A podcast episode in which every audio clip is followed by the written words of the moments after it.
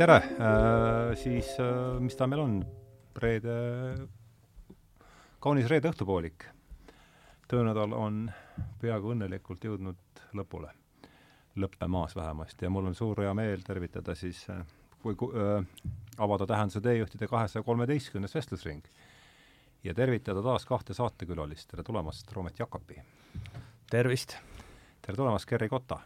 tegin siin äh, statistikat ja vaatan, et Roomet on käinud, sul on neljas kord. väga võimalik, jah.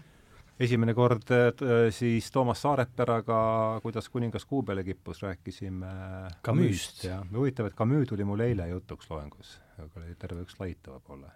aeg on jälle selline, et jah, et juhtub, et dekoratsioonid varisevad mm. kokku.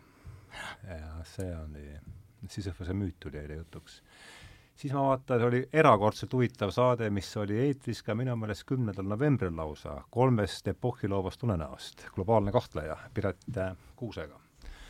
Descartesi kolm unenägu, kümnes november kuus, tuhat kuussada üheksateist. ja siis kohe sealt järjest, järgi oli pagendatud Purgatoorium, kus sa käisid Toomas Lotiga ja ma arvan, et äh, järsku oligi purgatooriumist jutt? muuhulgas jah, me rääkisime hingekäsitlustest hinge ja eriti antiigis Just. ja siis ka uusaegses filosoofias ja, ja teoloogias ja,. jah, jah, jah, täpselt, jah. ja, ja Kerri, ma vaatasin, sa oli kohe neljas, neljas saade, kus oli siis äh, Erkki Sven Tüüriga muusikamõistatus ja, ja siis oli pikk vahe ja juubelisaade. Äh, teaduse tulevik koos Jaak Ikasega ja rääkisime David Boomist. just nii et selline on siis meie elluga, aga olge kenad, öelge enda kohta ka veel, enne kui me, enne kui ma kuulutan välja saate teema suure aplombiga. hakkab sinust pihta, Raamet kui see peaks olema äh, ametlik enesetutvustus, siis saab ju erinevalt. jah, aga võtame äh, niimoodi chill'ilt reede õhtu ja ei no ma tegelikult eelistan just võimalikult äh, kantseliitlikku. Okei. Okay, siis meil võib minna raskeks hakka proovima. mina olen Tartu Ülikooli filosoofia ajaloo kaasprofessor ja filosoofia ajaloo õppetooli juhataja. ja minu peamised ammu juba või? oh jaa ei püsi meeleski vahepeal, nii kaua juba. ja mm, minu peamised uurimisvaldkonnad on äh, seitsmeteistkümnenda, kaheksateistkümnenda sajandi ehk varauusaegne filosoofia ja muud mõttesuundumused sellel perioodil ja viimasel ajal üha rohkem ka nüüdisaegne religioonifilosoofia mm. -hmm, huvitav, see on aga minu töö juurde loomulikult nagu igasuguse akatöö, akadeemilise töö juurde kuulub ka bürokraatia sõna otseses mõttes. ja olen välja andnud ka selleteemalise pilaraamatu, ma arvan, võib ka nii isegi öelda. selle pealkiri on Rahvusvaheliste tippspetsialistidega, mis sisaldab päriselust võetud bürokraatlikke pudemeid tekstidest, mis ma ise olen kirjutanud või seda, ega sul seda kaasas ei ole? kahjuks ei ole, aga järgmine kord või ülejärgmine. ütle palun veel selle teose, seda julgen kohe soovitada, tea, tundes Roometit, ma, esimene ametlik raamatusoovitus selle pealkiri on Rahvusvaheliste tippspetsialistidega büronaudi päevaraamat. välja andnud äh, kirjastus Paranoia. lasin hiljuti just natuke neid juurde ka trükkida, et minu käest saab neid nii, aga lähme siis edasi teise saatekülalisega, ole hea, Gerri, ütle enda mm. kohta ka paar sõna. jaa, minu akadeemiline taust on siis see, et äh, töötan Eesti Muusikateatri Akadeemias äh, muusikateooria professorina ning sellest hooajast olen ka tegelikult muusikateaduse mm, õppesuuna juht äh,. nii et kureerin seda natukene laiemalt äh,, millest ma huvitun äh, ei tea, selle määratlemine läheb aina kuidagi keerukamaks, mida edasi, aga, aga võib-olla kui proovida kuidagi määratleda, et mis see kese võiks olla, siis äh, mind vist kõige rohkem huvitab ikka see, kuidas muusikateos end nagu ajas lahti kerib, lahti mm. rullib. ja mis sellel teekonnal juhtub. ja siin ma ei piira ennast tingimata mm, heliloojate ja erinevate muusikate ja isegi natuke muusikaväliste nähtustega, kuigi ilmselt paratamatult ja sellest erialast tulenevalt, eks see dominant kipub sinna klassikalise muusika poole minema, nii Eesti kui ka siis äh, Euroopa klassikaline muusika. jah, et võib-olla jah, mul midagi nii lõbusat lisada ei ole kui Roometil, nii et äh, Lähme siis, lähme siis teema aga ehk aitab. aitäh! et loen ette siis äh, lõigu, mis andis mulle, mis andis tänase saate töö pealkirja, see on, äh, pärineb Tähenduse teejuhtide kolmekümne neljandast numbrist, mis oli, mille teema oli, ilmus ta meil siis septembris ja selle teema oli ilmutus. ja, ja meil on seal siis äh, neli ütleme siis neli põhipüsirubriiki, füüsika, muusika, psühholoogia ja, ja mütoloogia ja ja füüsikanurka kirjutas sedapuhku siis füüsik Jaak Kikas, kellega, kes tuli, nii et tervitame Jaaku siit ka, kui ta peaks meid, kui ta peaks meid kuulama, et, et ka kahesajas saade oli siis veel kord, kus oli Kerri koos, koos Jaak Kikaga. ja loen siis ette lõigu Jaak Kika see või Kika, kuidas ta tahab, et teda nime pära-, pöörata või käänatakse, aga et artikli pealkiri oli Ilmutus ja inspiratsioon, mis on ka tänase saate töö pealkiri ja kirjutab Jaak siis järgmiselt. ratsionaalse teadmise ja usulise ilmutusega antu erinevuste ja ühisuste üle on vaieldud sajandeid. äsja ilmunud raamatus Irratsionaalne analüüsib Roomet Jakobi kahe seitsmeteistkümnenda ja kaheksateistkümnenda sajandi Iiri mõtleja John Dolandi ja Peter Browni seisukohti. Jakobi näitab, et need seisukohad ehk ei olegi nii vastandlikud, kui esmapilgul arvata võiks. tsiteerides. Dolandi järgi ei saa ehtne kristlik religioon sisal-, sisaldada usuartikleid, mis oleksid inimmõistusega vastuolus või ületaks selle piire. õigesti mõistetud kristlik usk on teatavate jumalike ilmutuste ratsionaalne vastu- ja omaksvõtt kõnealused ilmutused ei hõlma midagi mõistuse ülest.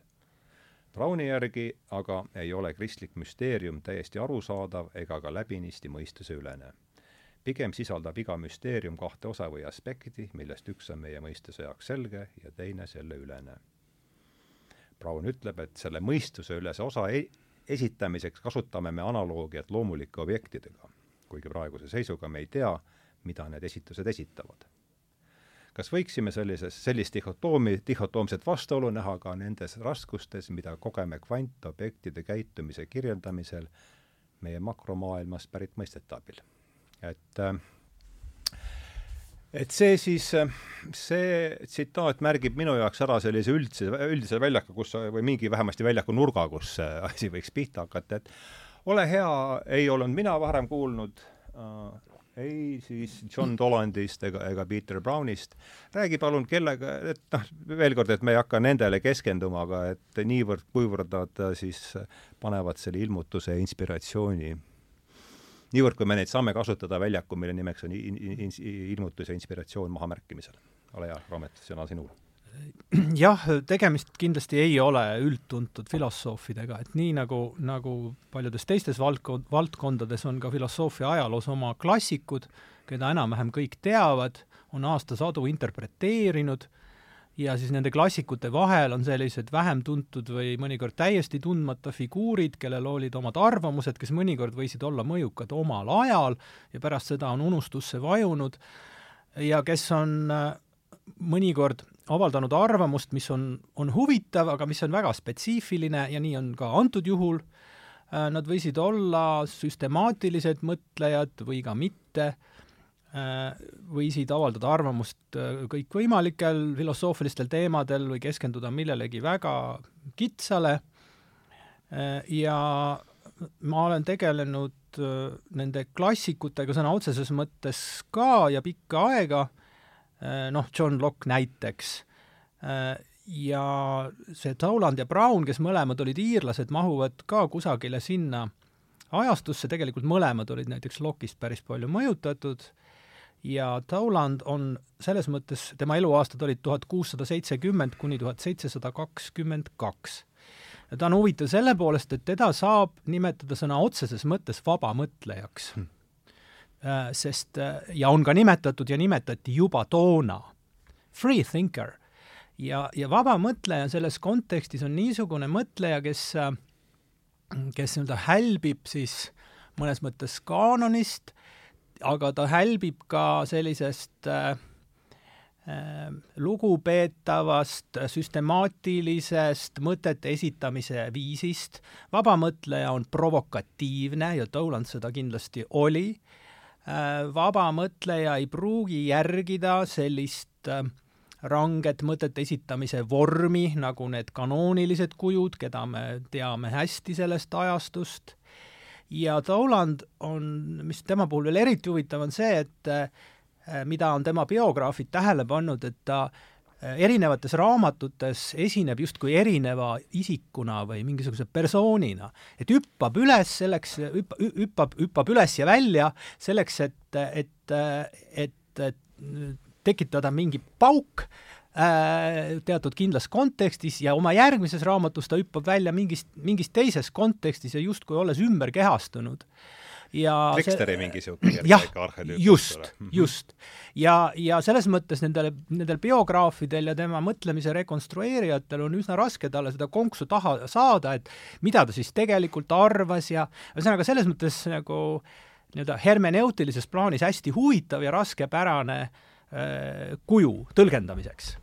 aga see, mis mõttes ta vabamõtleja oli oma ajastu kontekstis, seondub otseselt ilmutusega mm. -hmm. Vähemalt siis selles aspektis, mis minule on huvi pakkunud. ja nimelt äh, Toland avaldas aastal tuhat kuussada üheksakümmend kuus raamatu uh, Christianity not mysterious, eesti keeles siis ehk tuhat kuussada üheksakümmend kuus. jah, et kristlus pole müstiline ja see raamat oma oma filosoofilistelt printsiipidelt on üsna lähedane John Locke'i vaadetele, aga Tolandi muudab skandaalseks see, ja siin muutub asi tõesti väga kontekstuaalseks. Tema muudab nagu vabamõtlejaks see asjaolu, eh, mis tänapäeval meil siin sekulaarses või valdavas osas sekulaarses Eestis ei pruugi inimestele korda minna aga küll aga läks korda Iirimaal ja Inglismaal tol ajal. Eh, nimelt siis Toland väitis seda, et kristlus kui teatud õpetuste kogum ei sisalda, ei sisalda mitte midagi mõistuse ülest mm. -hmm. Ja see on see, mida Jaak räägib siin, eks ole. just, et idee on selles, et kristlus on oma olemuses lihtne, läbipaistev, ratsionaalne, seal ei ole mitte mingit udu ega möga.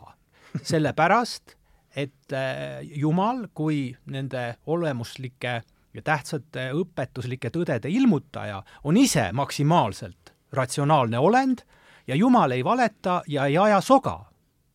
aga siit järeldub, et kui kristluses on mingisugused sogased doktriinid või väidetavad doktriinid, siis on võimalik, et äh, need ei ole ilmutatud ja need ei ole autentsed mm. -hmm. ühesõnaga siis siin taga on mingisugune idee sogased kohad ei ole ilmutatud. jah, äh, ja ühesõnaga Jumal ei, ei räägi absurdsusi, ei avalda, ei ilmuta absurdsusi ega ka mitte mingit häma. kui Jumal räägib, siis ta räägib selgelt ja ratsionaalselt, nii et see on inimeste jaoks mõistetav. Ja mis ei ole mõistetav, see võib olla mingisugune filosoofide soperdis äh, ja lisandus äh, algupärasele äh, puhtale ratsionaalsele kristlikule õpetusele. noh, umbes nii võib võtta Tol-, Tolandi vaated kokku ja see oli oma ajastu kontekstis ilmselgelt nagu liiga palju mõeldud ja vales suunas avalikkuse jaoks. Tänapäeval tundub see, et see ju no, keda, keda huvitab üldse? kedagi ei huvitagi täpselt aga see pidi olema väga tähtis, sellepärast et eh, mõne aja pärast toimus äh, isegi Taulandi selle raamatu tiraaži avalik põletamine ah,. aga ta ise ah. ei saanud kuidagi kannatada füüsiliselt ega muidu, aga see näitab selle küsimuse tähtsust selles mm -hmm. kontekstis. ja teine asjaolu, mis näitab selle küsimuse tähtsust tolles kontekstis, on see, et äh, nagu, nagu, nagu sel ajal kombeks, äh, kui kellegi vaated hakkasid väga närvidele käima äh, ja tundusid olevat moraalitud, ohtlikud, religioosses plaanis nurjatud, siis hakati kirjutama vastu pamflette kriitilisi äh, vastukirjutisi. Äh, ja Brown oli siis üks ja, nendest? ja Peter Brown on konkreetselt siis üks nendest inimestest, kes kirjutas spetsiaalselt Tollandi raamatu ümberlükke. Äh, pisut hiljem, aga, aga üsna, üsna pea pärast selle raamatu ilmumist, kus ta proovib siis selle Tollandi re-, rekonstrueerida ja dekon-, dekonstrueerida, püüdes näidata, et kristlus ikkagi sisaldab äh, müstilisi või salapäraseid doktriine ja need on ilmutatud ja on olemas äh,, kristluses on olemas need vastavad äh, mingis mõttes hämarad õpetused ja ka neile vastavad äh, salapärased, müstilised taevalikud objektid või asjad, mis on meile ilmutatud ainult osaliselt. Ja siis Brownil on eraldi spetsiifiline teooria selle kohta siis, kuidas need hämarad müstilised, salapärased, ainult Jumalale teadaolevad asjad on meile kuidagiviisi maiste asjade analoogia alusel mm -hmm piiblis ilmutatud mm. -hmm, ja see on väga spetsiifiline, oma kuussada lehekülge ühes teises raamatus Brown analüüsib põhjaliku teooria abil ja näitab, kuidas, kuidas see üleloomulik on meile loomuliku abil ilmutatud mm. -hmm. selline lühikokkuvõte mm. -hmm nii, aga mis mõtteid äh, ärgitas sinus, ma ei hakkagi isegi ühtegi küsimust küsima, et mis mõtteid mm. ärgitas sinus äh, sissejuhatus mm,? jah ähm,. nojah, sa vist ütlesid alguses, et, et kas nad ähm, või tsiteerisid, eks ole, jah, ja kas, et kas need mõtlejad tegelikult olidki teineteisest nii väga kaugel ja ja, ja, ja tundub, et, et seda konflikti äh, olemata nüüd küll täiesti üldse spetsialist sellel ala, alal, aga selle jutu põhjal, mis praegu nüüd äh, kõlas, võib tundub, et tõesti seda konflikti pigem äh, põhjustas see mm, tolleaegne kontekst, milles mm, teatavad asjad olid, eks ole, väga mm, äh, olulised ja mis tänapäeval võib-olla on vähem olulised ja, ja pidades ka silmas seda, et, et äh, noh, kuidas seda mõtlemist üldse mõista või mis see on et, et, et siis ähm, jah, ilmselt on võimalik tulla üsna ruttu ka sellises mingis täitsa populaarfilosoofias jõud mingisugusele tasandile tõusta ja öelda, et äh, kui vaadata seda, kuidas mõtlemine inimese sees või no konkreetselt iseenda sees näiteks, iseennast ma saan ju vaadata, jälgida, mis seal toimub, et kuidas see seal toimub, siis äh, äh, minu jaoks isiklikult on natukene raske mm, äh, eristada seda, mis on mõtlemises ilmutus ja mis on ratsionaalne ja, ja see siin muidugi ma ei ütle absoluutselt mitte midagi originaalset, sest seda on äh, väga palju, väga palju erinevate mõtlejate poolt ähm, äh, väidetud ka muudes, muudes kontekstides. et äh, äh, ka see, kuidas ma tulen mingisuguse, ütleme kas või ratsionaalse kon-, konstruktsiooni peale, mis aitab mul näiteks näidata ja midagi väga selgelt kommunikeerida, mingisugust ideed, ka väga sageli see ratsionaalne kon-, konstruktsioon tuleks siis justkui nii-öelda mingisuguse ilmutuse kaudu. ehk et mõtlemine mm -hmm. ei ole see vorm, kuidas me mõtteprodukte äh, kirja paneme sageli, et, et minu meelest üks huvitavamaid selliseid dihhotoomiaid ongi see, et et see, mida filosoofiana kirjutatakse, see paneb kirja midagi, mis on selle, mida me nimetame mõtlemiseks produkt, aga mis, ähm, kuigi ta mõnikord justkui prooviks ka küüsi taha saada sellele mõtlemisele, tegelikult ei ole selle mõtlemise kirjeldus, vaid pigem selle produkti kirjeldus. aga no siin võib-olla jälle Roomet oskab ähm, täpsemalt ähm, neist asjust rääkida. aga no ma ei tea, ega sellest asjade kramplik defineerimine ei vii ka kuhugi. aga, aga noh, selleks, et jällegi mingi ratsionaalne või poolratsionaalne mõttevahetus oleks üldse võimalik, me peame enam-vähem noh, et me enam, et me üldse mingist samadest asjadest räägime, et kuidas sina, Roomet, mõistad ilmutust? mis tuu on? täpselt äh, nii, nagu sina sellest äh, aru saad ma arvan, et mul ei ole mingisugust äh, väga isikupärast arusaama, et äh, ma ikkagi tuginen äh, allikatele ja traditsioonidele ja noh, see, millest ma enne rääkisin, oli ikkagi äh, kõne all äh, see, mis väidetavalt on ilmutatud piiblis mm. -hmm. sest et kristlus on pühakirjapõhine religioon äh,, ja noh, selles kontekstis, millest ma rääkisin, eks ole, nemad lähtusid ka, küsimus on ikkagi selles, mis on ja mis ei ole piiblis ilmutatud mm -hmm. ja ja võib-olla, et mingisugused äh, kohad selles teoses on, või teoste kogus on kahtlasemad kui teised, ka isegi religioossest vaatepunktist, ja aga ütleme, traditsiooniliselt võib ju mõelda, et ilmutus võib olla vahetu, selles mõttes, et tõesti, inimesele pannakse pähe mingid mõtted, tuleb kuskilt. Äh, või siis, äh, või siis äh, nagu islamis, et tuleb ingel ja lihtsalt loeb sulle pühakirja ette ja ilmutab selle ja või siis sa koged midagi niisugust, et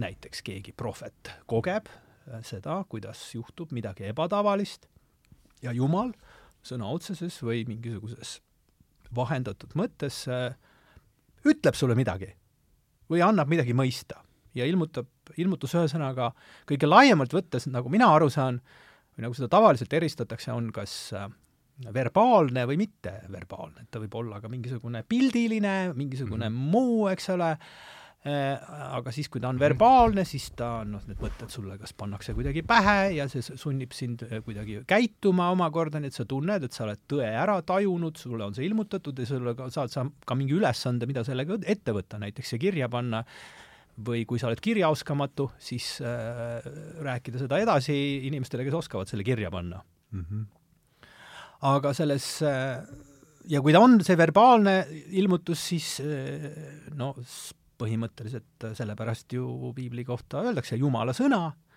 et äh, ta oma selle kontseptsiooni kohaselt on midagi niisugust, mis on ebamaist päritolu mm. -hmm. ja siis ei ole ka midagi imestada, kui ta sisaldab meie jaoks äh, mingeid arusaamatuid kohti vähemalt äh,, mingisuguseid äh, hämmastavaid sündmusi, imetegusid. kõneleks Browni seisukoha poolt. ja, ja mingisuguseid äh, juhtu, hämmastavaid juhtumisi vaimude ja inimestega, eks ole, mis meid tänapäeval panevad mõnikord muigama äh,, aga umbes nii on see olnud läbi sajandite tead, sind kuulates mul äh, tekkis kohe, aga see on, niikuinii ma nüüd tahaksin võib-olla harida ennast ja äkki sa oskad öelda, et jah, et, et see, räägiti ikkagi piiblist, jah, et tänapäeval me võib-olla kipume ära unustama selle ja võtame ilmutust üldse kuidagi väga laiemalt ja, ja, ja võib-olla pühakiri ei tule meile üldse sealjuures mm -hmm. pähe, aga et noh, tollal ikkagi mõeldi konkreetselt ilmutuse mhm. all midagi väga konkreetset. aga küsimus on see, et äh, minu meelest väga oluline siin on see, aga kuidas nad ähm, pühakirja nagu tollal lugesid, sellepärast et jah, kirjas on küll, aga nagu me teame, sellest, mis on kirjas, võib interpreteerida väga vastandlikke äh, järeldusi, et kas äh, kumbki nimetatud filosoofidest ka näiteks keskendus sellele, äh, just nimelt, et kuidas, noh, mingis mõttes nagu hermeneutilisele aspektile, et kuidas seda mhm. teksti mm. peaks üldse lugema või noh, vähemalt nad mõtlesid juba või nad otsustasid juba ära, et, et, et igal juhul nad võtavad seda kui mingit ratsionaalset korpust ja, ja siis on, mis on tähendab, nad kindlasti juba lähtusid omakorda mingist traditsioonist, sest nad äh, mõlemad olid protestandid, alustama peab juba sellest, ole. Mhm. et ja. Äh, katoliiklased äh, seal Iiri, on aut-... Iiri protestandid? jah. ahah, see on ju veel oma katoliikliku maa protestant. just, jah, see asetab nad ja. kummalisse, kummalisse olukorda mm -hmm. Ja ja noh, katoliiklaste jaoks on see autoriteedi küsimus lahendatud teistmoodi ja, ja kirikuisad on väga olulise tähtsusega äh, Äh, ja, ja protestandi puhul äh, noh, kõige laiemalt võttes usaldus selle suhtes, mis isikul võib olla selle tekstiga ümberkäimisel, on suurem ja muidugi võib ka siis jällegi noh, sattuda suuremate häm-, häm-, libastuda ka su-, suuremini. Ja minu lemmiknäide, ma muide just õpetasin siis nüüdisaegse religioonifilosoofia kursust Tartus. Mm. -hmm ja, ja üks mu lemmiknäiteid nagu just sel teemal on see, et te võite Youtube'ist leida, on mitmeid videosid ühest eh, USA-s tegutsenud või ma ei tea, võib-olla siiamaani tegutsevast sektist, kristlikust sektist, kus tantsitakse madudega varem kuulnud, jah. ja, ja, ja. see on Apalachides kusagil. jah, fantasti-, fantastiline. ja see kõik põhineb ühel kirjakohal Uues Testamendis, kus on juttu sellest, et nagu inimene on ikkagi vaimu täis, siis, siis ta, see mürk tema peale ei hakka. ja siis tehakse maoproovi nii-öelda ja seal on ühesõnaga ka intervjueeritud pastoreid, kes tantsivad mõlemad peod täis mürgimadusid mm. -hmm ma olen näinud videot, kus nad äh, siis seal möllavad kantrimuusika saatel, aga viimati ma vaatasin seda, seal oli mingi teine, aga ühesõnaga bänd on nurgas, inimesed on ekstaasis, maod väänlevad seal pihkude vahel ja loomulikult need on mürgimaod, nad nõelavad, on olnud äh, hulgaliselt surma ja, ja igasuguseid hirmsaid vigastusi, igasugu juhtumeid aga nagu ja alati saab öelda, et äh, usk oli väike. usk oli väike, vaim ei olnud piisavalt sinu sisse tulnud ja, ja see on nagu minu meelest nagu suurepärane, suurepärane näide, kui kaugele tegelikult äh, saab minna sellise äh, ütleme siis äh, isiku, noh, mitte nüüd isikupärase, aga ütleme siis kogukonnapärase, väga iseäraliku tõlgendusega mingist väikesest kirjakohast äh,. midagi lisada või äh, pakun uue, pakun uue palli, millega, mida põrgatada? no siin tuli muusika sisse, aga võib-olla las see jääb praegu, sellepärast et äh, ja, jah, aga vot ma, oligi üks küsimus, et, et kas sul Toland ja, ja Brown, et kas sul mm -hmm. tuleb muusikast? mulle meeldib väga see tsitaat äh, Plotinas, et, et kogu teadmine rajaneb sarnasusel. et et, et kas sul tuleb midagi sarnast muusikast, mingit selline äh, vastasseis kas muusikateoorias või, või heliloojate kirja või et, et mis, mis meenutaks natuke nüüd seda Browni ja ja Tolandi äh, noh, nimetame seda siis, ma ei tea, vastasseisuks debatiks, eks vaid, et äh, jaa, tähendab, selliseid asju saab kindlasti tuua, kui, kui rääkida nagu muusikaloost laiemalt, sest on äh, olemas tõesti, kuidas öelda, väga selliseid intuitsioonipõhiseid lähenemisi muusikalisele kompositsioonile mm -hmm. ja on olemas ka väga ratsionaalseid süsteeme ähm, või vähemalt näiliselt väga ratsionaalseid süsteeme äh, muusikalisele kompositsioonile. ma ei tea, kas ajaloost päris sellest ajast. kuigi mingisugusel spetsiifilisemal viisil võib-olla saaks äh, rääkida, tähendab, mis on muusikas tol ajal, et nagu tuua see mingisugune nagu paralleel siia juurde Nad on mõlemad Bachi kaasaegsed, eks? jah, nad on mingil määral just nimelt Bachi kaasaegsed, see tähendab, et mingis mõttes see, see sõda prima pratika ja seconda pratika vahel ehk siis see vana mis? Äh, mis tuua, noh, esimene prim-, prima pratika on siis madalmaalaste polüfooniline Aha. stiil, mida siis loetakse prima, mis asi, prima? prima pratika. jah, kahe T-ga nagu, aga mm -hmm. C-ga siis jah.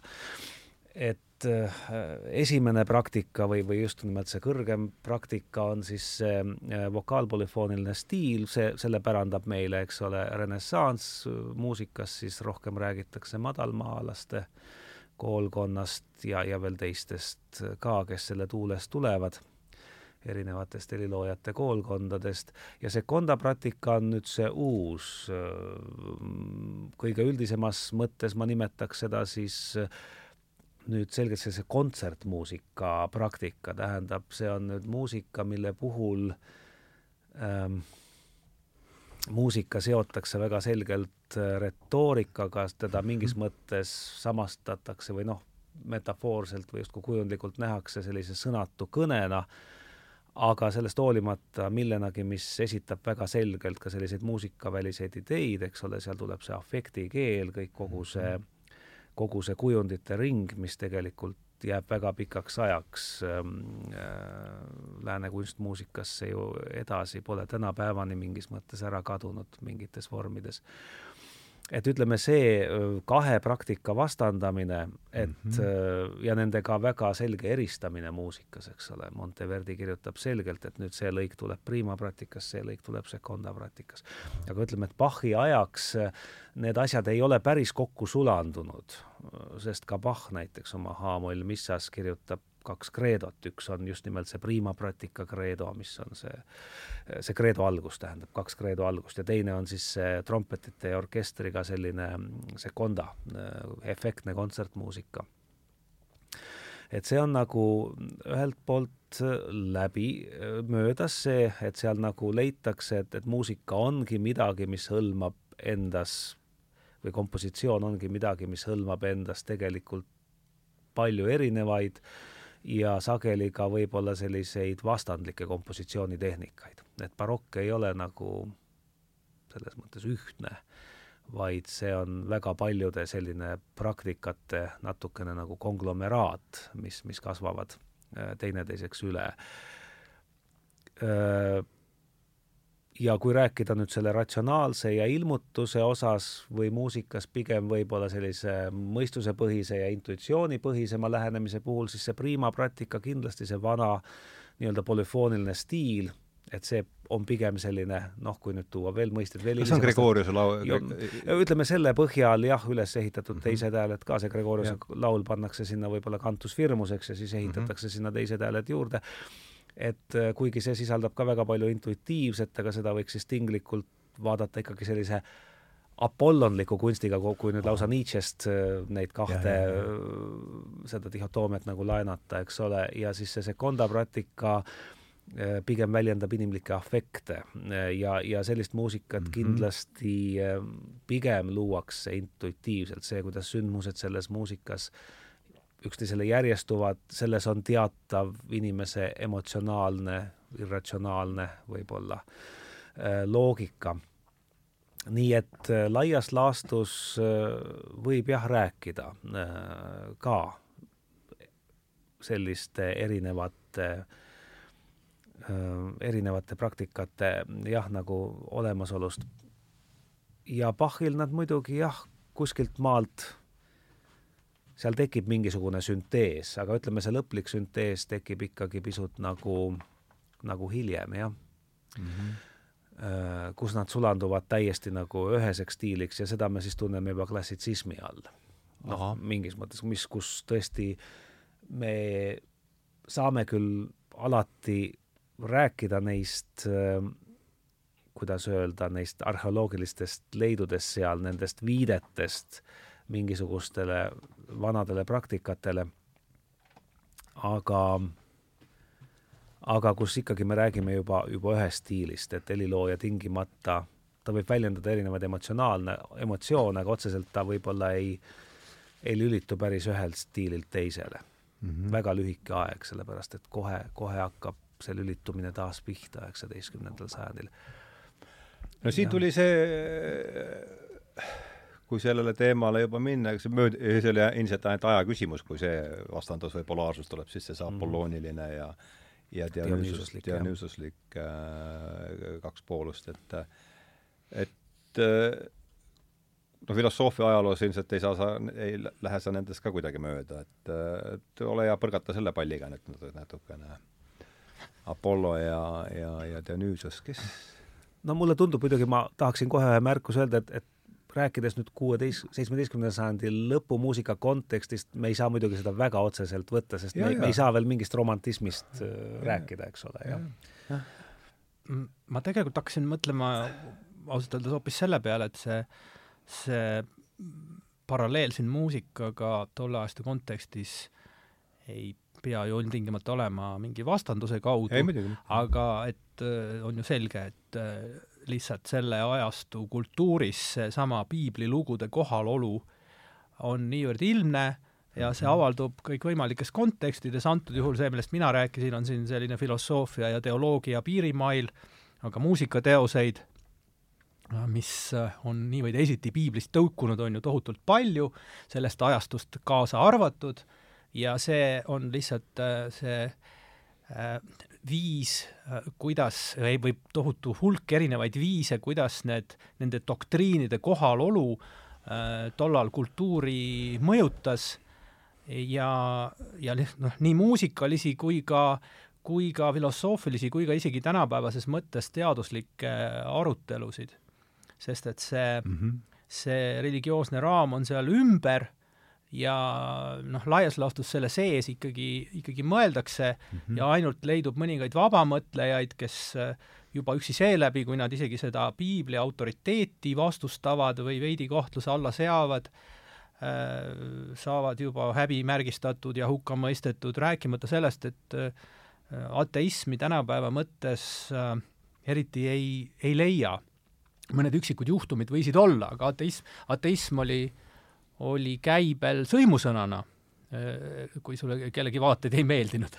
Äh, aga, aga, aga et keegi oleks nagu siiralt nagu mõelnud või väljendanud seisukohti, isegi sa võisid omaette mõelda, aga tulla lagedale ideega sellest, et maailm ei olegi loodud ja inimene polegi loodud ja ja Kristus ei olegi Jumala poeg ja nii edasi, see oli nagu pigem nagu mõeldamatu et, et, et vastupidi, et need ikkagi, need doktriinid on, on kogu aeg kohal, kultuuris õpetus kolmainsusest, õpetus Kristuse jumalikkusest äh,, maailma lõpu ootus ja kõik sellega seonduv, suur veeuputus äh,, äh, Joona lugu, alles oli siin lähetamine ja. meil päevakorral. Ja, ja, ja nii edasi aga ma läksin vist, ajasin jutu äh, hoopis teise suunda nüüd.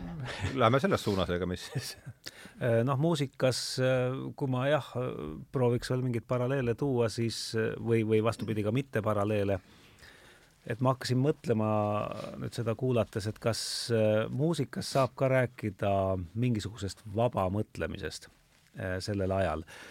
ja peab ütlema, et mõneti on see natukene raske, sellepärast et me oleme ikkagi veel, kui me räägime heliloojatest, me räägime ikkagi veel sellest traditsioonilisest heliloojast, kes eelkõige oli meisterlik ja hea käsitööline, mis tähendab, et see käsitöölikkus ikkagi sõidab kõigest sellest nii läbi. Mm, -hmm. et isegi Bach, eks ole, keda me peame geeniuste geeniuseks äh,, ta ei tee tehnilises mõttes midagi erinevat sellest, mida kõik tema kaasaegsed teevad. see tähendab, et kui me võtame kompositsioonitehnika, erinevad võtted, need mudelid ja kõik, mida rakendati, siis Bach teeb sedasama, ta teeb seda võib-olla lihtsalt veel kümme korda keerukamalt, ta teeb seda uskumatu nagu fantaasiaga või selles mõttes, et see, see, see ettekujutusvõime, mis seal on, et, et kas nii on ka veel võimalik nendega nagu opereerida. nii et ta lihtsalt, äh, võib öelda, ülimeisterlik selle juures, aga ta ei küsitle, ta, ta nagu ei esita seda küsimust, et kas ma äkki ei peaks hoopis seda mudelit kasutama, ta, ta nii-öelda seda Beethoveni küsimust ei küsi, et vaata, aga miks ma üldse peaks selle võtma endale aluseks, nii et, et et selles mõttes jah, sellist vaba mõtlemist on äh, just sellel ajal. Mm -hmm. millegipärast raske leida, pigem mulle tundub, et sellel ajal ikkagi asi liigub pigem selle ühtsuse üh,, sellepärast et möödas on just nimelt need ajad, kus kõik oli väga laiali. Et meil on vabamõtlejaid, meil on Gesualdo äh, madalmaade koolkonna seal lõpus, eks ole, see Veneetsia äh, hull surm, Gesualdo, Gesualdo. Da Venosa, äh, soovitan kuulata tema muusikat, esimene kokkupuude sellega, eriti jah, kui kuulata tema nii-öelda neid madrigale, kuigi ka tema vaimulik muusika, see on ülikromaatiline, selle, see, kuidas ta ühendab harmooniaid, sellise keerukuseni jõuab muusika mitte enne kahekümnendat sajandit. mis tema eluaastad on umbes? vot siin ma jään nüüd vastuse võlgu, ta on äh, jah, seitsmeteistkümnenda sajandi alguses, kuueteistkümnenda sajandi helilooja põhimõtteliselt jah, selle teise poole helilooja. Äh, äh, nii et et, et seal on väga palju sellist, see on eksperimenteerimisaeg, sada aastat varem on, on, on väga palju eksperimenteerimist, väga palju katsetamist ja seal võib rääkida väga kummalistest äh, muusikalistest nagu sellistest kompositsioonidest. mõtlen, Schnitkel on tema oop-, temast tehtud ooper. ja, ja ta on kahekümnendal sajandil saanud ju taas tuntuks oma sellise rebel loomuse tõttu, kahekümnes sajand on ta taas üles korjanud ja teinud temast superstaari Äh, enne seda oli ta võib-olla pigem veidrus äh,. aga jah, et sada aastat hiljem Bachi eluajal pigem kõik liigub ühtsuse suunas, tähendab see sekunda pratika, kontsertmuusika hakkab tõesti võib-olla leidma ennast, hakkavad tekkima klassikalised žanrid, hakatakse avastama või, või, või looma muusikalisi struktuure, kus enam sõna ei ole sees, mis on puhtinstrumentaalne ja mis sellest hoolimata kujutab endast ratsionaalset ja mõtestatud tervikut, et ma, ma kuulan midagi nelikümmend viis minutit, kus ei ole ühtegi sõna, kus justkui näiliselt ei ole justkui ühtegi ratsionaalset mõtet, aga millel ikka on mõte, nii et muusika hakkab tegelikult leidma seda vormi, seda nüüd uut kontsertmuusika vormi, mis siis hiljem -hmm. klassitsismi ja romantismiga kõik, eks ole, väga, väga, väga tuntuks saab nii et, nii et seetõttu jah, muusikas sellel ajal ma nüüd ei tunne muusikalugu nii hästi, ei saa alat-, ei saa öelda, et seal ei oleks võib-olla kedagi, ei oleks veidraid katsetusi kuskil, aga, aga siis on nad jäänud selgelt nagu marginaalseks, et nad isegi veel tänapäeval, kus me korjame ja otsime üles igasuguseid veidrusi, neid seal ei ole, nii et kindlasti ei saa rääkida mingist domineerivast asjast, et, et vaba mõtlemist ei ole, et on ikkagi see käsitöökeskne lähenemine, sageli väga praktiline lähenemine ooperis näiteks, et on mõni kastraat ja siis ooper komponeeritakse vastavalt sellele, mida see kastraat suudab. ja õmmeldakse, nagu öeldakse, sellele nööbile ülikond külge, jah. ja, ja siis see asi esitatakse, nii et nii et, nii et pigem midagi taolist mm. -hmm. nii et pigem ta liigub jah, ratsionaalsuse ja sellise jah, selguse suunas äh, tol ajal. aga mulle tuleb selle peale meelde, et äh, äh, Newton jälle, kes tuleb mulle üldse muidugi sageli meelde nii unes kui ilmsi. ja et äh, no kui vaadata seda seitsmeteistkümnendat sajandit, siis äh, nii-öelda mõtteloolises plaanis sisaldab tohutu paljusid asju. selle aja sisse mahub nõiajahtide kõrgaeg Euroopas, eks ole ja mis on ju väga tähtis, tähtis, nimetame seda siis tänapäeval vist kultuurinähtuseks või sotsiaalseks turbulentsiks. esimene pool, esimene pool, poolaeg on ju sõda us,, ususõjad, eks? ususõjad äh, ja, ja aga selle sisse mahub ka mõnes mõttes äh, uusaegse mm, natuurfilosoofia või tänapäeva mõttes siis Äh, loodusteaduse väljakujunemine ja Descartes. sa, Descartes, aga siis eriti veel ikkagi Newtoni äh, printsiipide ilmumine sajandi lõpupoole ja see Newtoni autoriteet ja see, mis seal välja kujuneb, mingis mõttes ka äh, loksutab asjad paika. et äh, see on ühesõnaga seal noh, kaheksateistkümnenda sajandi alguseks äh, ja sealt edasi noh, üha enam see Newton muutub ikkagi, see muutub terveks nagu paradigmaks. asjad on paika loksutatud mm. -hmm. ja noh, tolle ajastu mõtleja võis seda käsitleda ka niimoodi, et äh, Jumal äh, juhib ja valitseb maailma äh, loodusseaduste abil ja Newton on need seadused avastanud. no see on ikkagi de-, deism hakkab tulema sealt nii palju, kui mina, nii vähe, kui mina see, sellest asjast aru saan. see, see viib sinna välja, teism on põhimõtteliselt ka vaba mõtlemine. Et... muusikas on analoogiaks muidugi Jean-Philippe Rameau äh, Harmoonia traktaat. nüüd on vaja jälle äh,, kuidas seda kirjutatakse, see nimi meil noh, võib, tähendab äh, prantsuse keeles harmoonia traktaat, artiste de l'harmonie ah,. Äh, mis see harmoonia traktaat? ja harmoonia traktaadina mm -hmm. võib teda ka lihtsalt tõlkida äh, Jean-Philippe Rameau, Rameau. aa, Rameau, aa, see on Rameau, jaa mm -hmm., helilooja yeah.. tuhat seitsesada kakskümmend, vot selle päris viimase arvu jätan nüüd võib-olla kakskümmend kaks, kakskümmend midagi, mis on nagu selles mõttes väga äh, huvitav nähtus muusikas, et äh, sellest traktaadist me näiteks saame teada, Roomet võib-olla sulle ütleb see midagi, et äh, kui meil on kolm kõla, kui siis kõige elementaarsem kolmest helist koosnev harmoonia, kahe heli vahelist äh, ühendust me nimetame intervalliks, kolmehelis arv, akord või harmoonia mm -hmm. algab alates kolmest helist ja Rameau ütleb, et kui me nüüd selle kolmkõla kõige alumise heli tõstame oktav kõrgemale, siis me saame selle akordi esimese pöörde ehk siis sekstakordi. see on nüüd selline elementaarteooria, mida siis muusikakoolis kõikidele juntsudele õpetaks, õpetatakse, kui nad lähevad muusikat õppima Äh, see tuleb just nimelt Rameau's esimest korda sisse, sest äh, nende generaalbassi traktaatide põhjal kolmkõla ja sekstakord oli kaks erinevat harmoonilist situatsiooni ja puhtpraktiliselt äh, noh, neid niimoodi omavahel ei ühendatud, kui vaja, kasutasin ühte, kui vaja, kasutasin teist.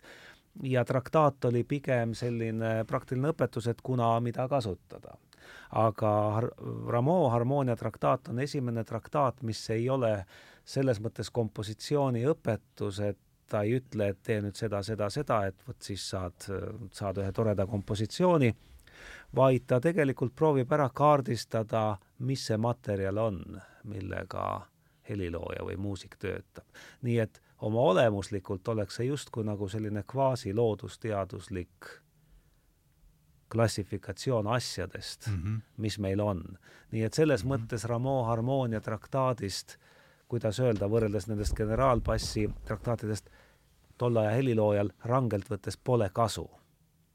sest see ei õpeta talle midagi, see pigem kirjeldab loodust, eks ole, meil mhm. on see osahelirida, sealt tuleb kõigepealt see kolmkõla välja, kuidas me siis kasvatame sealt keerukamad harmooniad, kuidas me neid pöörame, mis see kogu see meie universum on, mida me kasutame mm. -hmm. nii et selline ratsionaalne loodusteadus mingi Newtoni niisugune teatav, teatav analoog, jah.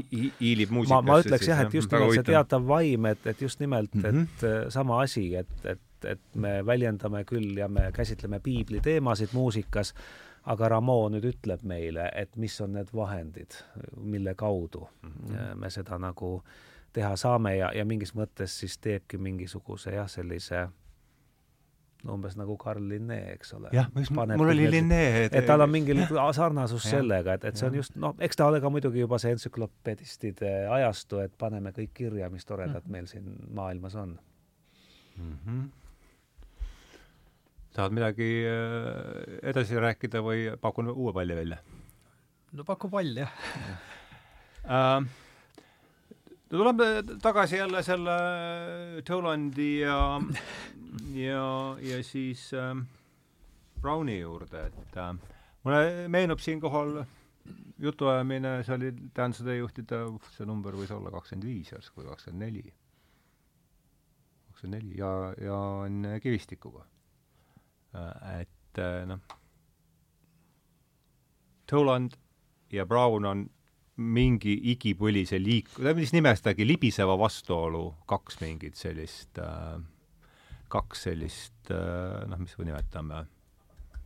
poolust. poolust, jah mm. -hmm et kuidas see vastuolu meil nüüd edasi libiseb äh,? Võib-olla vaatame, et mis oleks sellesama vastu, vaatame nüüd ühele, ühest poolt tagasi, et mis, kus on see, ja nad ei ole, nagu me äsja saate alguses leppisime kokku ju, et et nad ei ole kaugeltki kõige tuntumad mina poolt neist, aga et mis oleks võib-olla sellesama vastuolu, võtagi siin sellesama vastuolu kõige tuntum episood mm. filosoofia ajaloost tagasi ja siis sealt, sealt edasi ma kõigepealt pean ütlema, et ma praegu tabasin end mõttelt, et see on üsna hämmastav, et me ühes Eesti raadiojaamas räägime kahest obskuursest Iiri filosoofist. et kuidas see üldse juhtuda sai ma ju küsitan seda, ma küsin neid küsimusi siin järjest, kuidas üldse see kõik sest oleks see jutuajamine oleks toimunud, tuletame meelde, kui see aasta oleks praegu seitsekümmend üheksa, me oleksime kõik juba plate peal. no nii on ju. esiteks poleks me kuhugi saanudki, aga, aga aga jah, et see on seotud asjaoluga, et kunagi ma sattusin, ma arvan, Tartu, Tartu Ülikooli raamatukogus seda Tolandit lugema, sest seal oli see raamat ja, ja, vist originaalis sinna, olemas. oma õpingute ajal ma kuidagi sattusin selle peale. ja siis seal Iiri filosoofidega edasi tegeledes, siis on juba võimalik hiljem ka isegi Browni peale sattuda, aga see on tõesti üsna kummaline. aga see oli täiesti selline joonealune märkus. ilmselt tõesti äh, siin avaldub midagi midagi üldisemalt mhm. ja mul on väga hea meel, et Jaak Ikas füüsikuna on selle ka ära tundnud. Äh, just nimelt selle vastanduse ja nii, nagu see temale korda läheb, äh, ja hoopiski seoses kvantfüüsikaga, mis ei ole teema, millest mina oleks kvalifitseeritud rääkima. aga see on jah, tähelepanuväärne, et, et kontekstid on täiesti erinevad, aga jutt on ikkagi sellest, et kuidas meile on antud midagi, sellist, mis käitub meie jaoks arusaamatult või kuidagi mingil viisil müstiliselt. ja, või käitub või on või ilmneb või et see võib olla mingisugune, mingisugune doktriin, mis on väidetavalt jumalikku päritolu, aga ajab meil juhtme kokku, nagu kolmainsus on teinud seda sajandeid, kuidas saab üks olla ühtlasi kolm, ja, ja no ja. väga konkreetne näide ja, ja noh, mida on sõna otseses mõttes äh, nimetatud äh, mõistuse üleseks, sest midagi muud ei jää üle, sa ei saa sellest mõistusega sotti saadagi. või noh, sa võid proovida ja sellest on ka tegelikult mudeldatud erinevatel viisidel seda kolmainsust ja aga lõpuks samas ikkagi mööndes, et ükskõik palju me seda ratsionaalselt ka ei mudelda, see doktriin on olemuslikult, käib üle inimese mõistuse, above reason mm. -hmm ja siis noh, teoloogid on näinud just vaeva näidata, et ta on üle, ülemõist-, ei, istub ikka, aga et nemad püüavad näidata, et see on ülemõistuse, aga et ta ei ole mõistuse vastane, sest esmapilgul ta võib tunduda Aha. lihtsalt absurdne. ah, et on ülemõist-? ja see on doktriin, mis noh, moslemite jaoks äh, ongi väär mm. -hmm. et see kolmainsus. et jumal on ikkagi üks, aga see selleks, see on lihtsalt, see on lihtsalt üks väga spetsiifiline kontekst, kus see mingisugune põrkumine selle siis väidetavalt mõistuseülese või arusaamatu või meie jaoks hoomamatu äh, see põrkab kuidagi vastu meie soovi kõik ratsionaalselt äh, ära seletada. Mm. ja see on nähtavasti midagi niisugust, mis äh, siis tõesti saab ilmeneda isegi ka kvantfüüsikaga seoses, sest mm-hmm. seal on midagi, midagi meie jaoks väga imelikku ja hoomamatult kuidas need objektid käituvad. Äh, ja meil on tarve meie senise maailmakäsitluse baasil kuidagi, kuidagi see endale äh, söödavaks teha mõistusele. kuigi paistab, hakkab, mõistusele hakkab vastu, mõistus tahab seletust. Selle baasil, millega mõistus on harjunud. Äh, ja noh, mul praegusel hetkel ei hüppa pähe väga palju muid näiteid äh,, nii nagu see küsimus on ära käsitletud, mulle kindlasti tuleb midagi meelde veel mm. -hmm. no mina, ütleme siis nii, ma olen seda praegu mitu korda rääkinud, see, et noh, minu huvi nende teemade vastu, Browni ja Tolandi vastu, noh, ma võiks öelda, kaks tuhat kaheksateist vast ärkas üldse esimest korda sinnamaani võis minu filosoofia ja, ja psühholoogiaalased teadmised võtta kokku ühte lausesse, et seitsmendal novembril on meil paraad. nii oli mulle jäänud äh, tipikoolist äh, meelde psühholoogia äh,, psühholoogia loengutest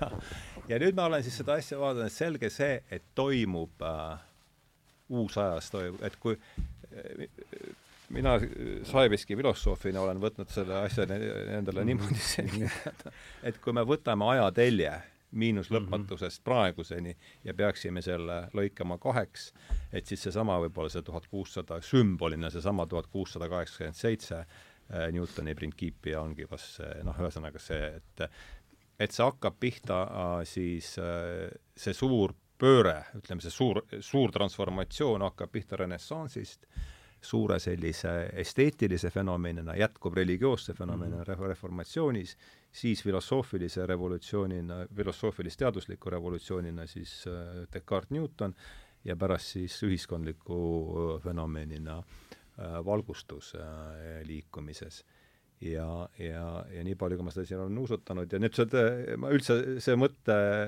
et ma selle, selle reisi peale sattusin tänu sellele, et tuli meelde mm, siis äh, intervjuu Jaan, Jaan, Jaan Kivistikuga. et ma küsin, küsin ta siis käest seda, et viimases lehenumbris kirjutas Paul-Eerik Rummoja, kirjutas meile siis jah, kahekümne kolmandas, et nominalistide ja realistide tuhande aasta tagune kaklus pole siiani maha rahunenud. et mis sina sellest mõttest arvad? ja siis äh, Jaan vastab niimoodi ja ma ja siis üri-, üritaks nüüd selle koha pealt seda planku kangutada, et mulle näib, et selline vaidlus saab tekkida igal pool, kus mõtlemise ja ta objektide vahekorrale tähelepanu pööratakse või kus, või kus küsitakse teadmiste hankimise õigete viiside järele, ehk siis on epistemoloogiline mm, -hmm. kõikjal, kus räägitakse epistemoloogiast, tuleb nominalistide ja realistide vaidlus ette mingis mõttes on see sarnane vasak- ja parempoolsete vastandusega. kui me vaatleme poliitika ajalugu, siis näeme, et nende mõistete sisu on ajas väga olulisel määral muutunud. tänapäeva vasak- ja parempoolsed ei ole kaugeltki need, mis nad olid sada aastat tagasi ammugi mitte need, mis nad olid, kui, mis nad olid Prantsuse revolutsiooni ajal, kui kõnealused mõisted esimest korda käibele tulid arusaam, et vasakpoolsed seisavad töörahvade huvide eest ja parempoolsed kaitsevad kapitaliste, on pärit ligikaudu poolteist sajandit tagasi, poolteist sajandit, poolde, pooleteist sajandi tagant. tänapäeval on olukord selgelt muutunud, aga ärme, ärme sellesse, ärme sellesse, ei ole see teema, kuhu ma tahaks üldse minna. niisamuti on alati neid, ja see on nüüd see olulisem koht, kes ütlevad, et mis me siin ikka üldiste asjade üle targutame, keskendume parem nendele asjadele, mida me saame käega katsuda. ja on neid, kes seda käegakatsutavust põlastavad viimaste jaoks on mõtlemiste esemed palju olulisemad.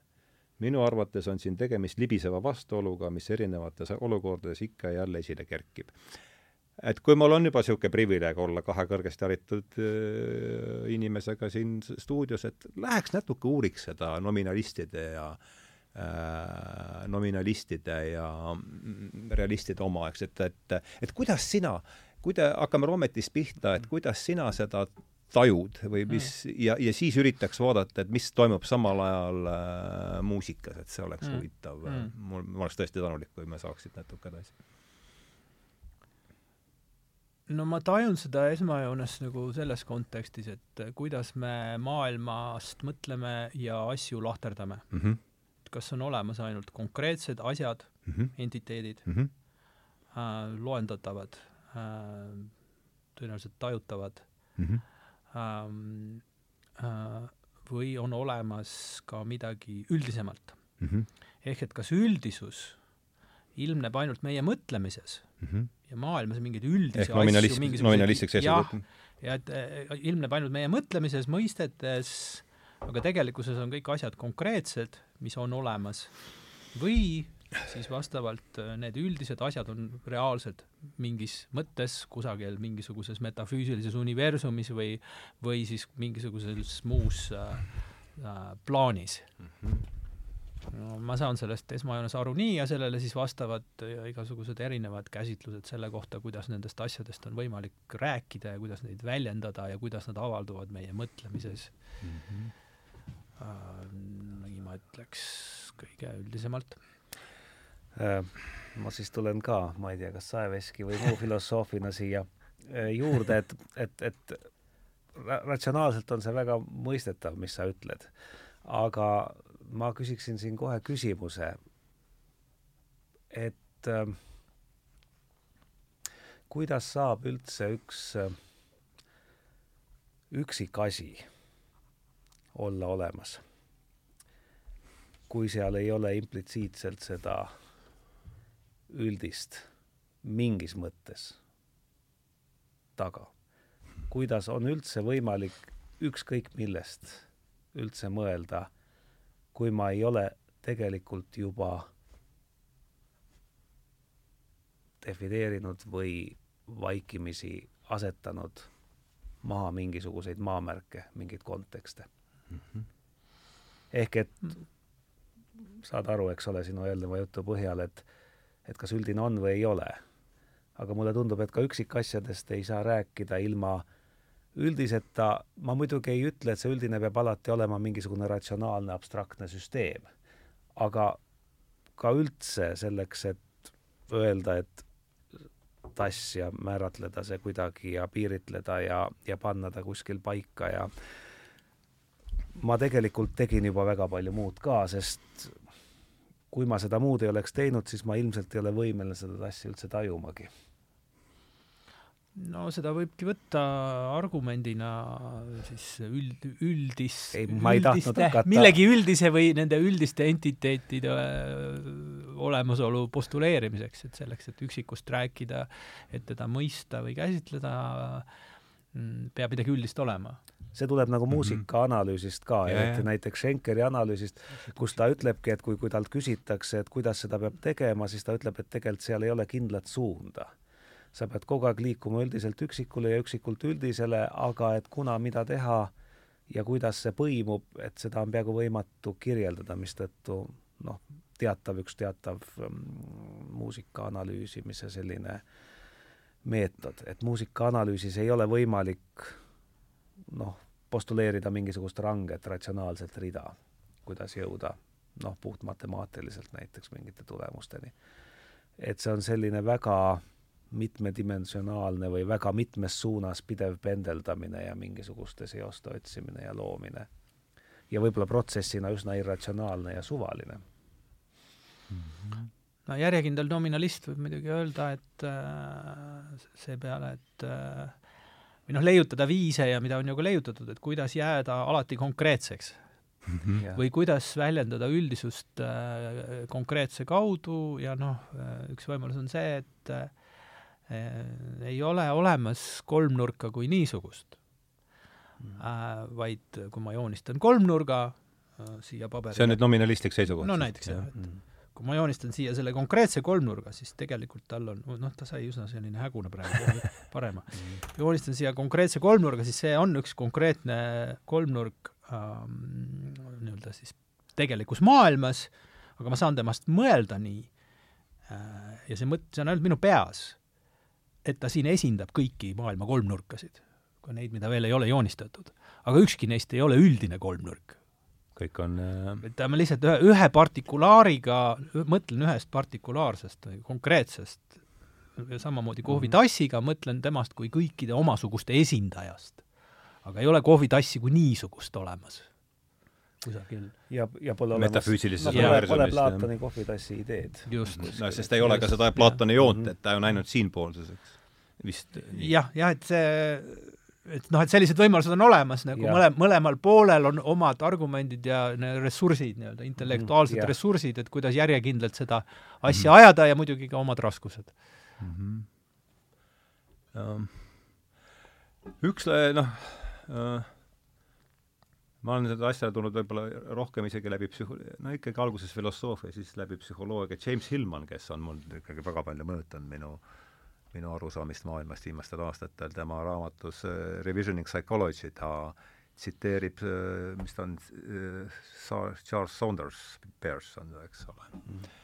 ta ütleb, et äh, mo- äh,, moodsa filosoofia iga viimane kui sekt, ta loeb nüüd edasi, on nominalistlik, oled sa nõus sellega Äh, Roomet või, või paneb ta seal niimoodi, noh, Saunders on muidu, või on ta juba mõnda aega surnud meil, eks, et tema moodne filosoofia on mis kontekstis ta seda ütles, sest ma arvan, et see ma võin selle kohe üles otsida. et see justkui kõlab äh, sellise retoorilise väitena. Oh, nagu, nagu, et mis tähendab, et see ei pruugi olla iseenesest äh, ilmselt ta ei ole, tähendab selles mõttes kuidagi ta on ilmselt mingis poleemilises kontekstis niikuinii. aga ta on poleemilises kontekstis, jah, ta tahab sellega siis midagi öelda, et mida või aga ütleme, see küsimus küsimus jah, niimoodi, et mida, mida ta, mida ta sinu arvates tahab, tahab sellega, tahab, tahab, sellega ütelda, jah sa enne küsisid ikkagi, kas ma nõustun. jah, okei no nii, võta, võta. ja ma juba vahepeal mõtlesin, mida sellele vastata mm. -hmm. aga ma äh, kasutan äh, seda äh, mugavat, aga ka tegelikult strateegilises plaanis kasulikku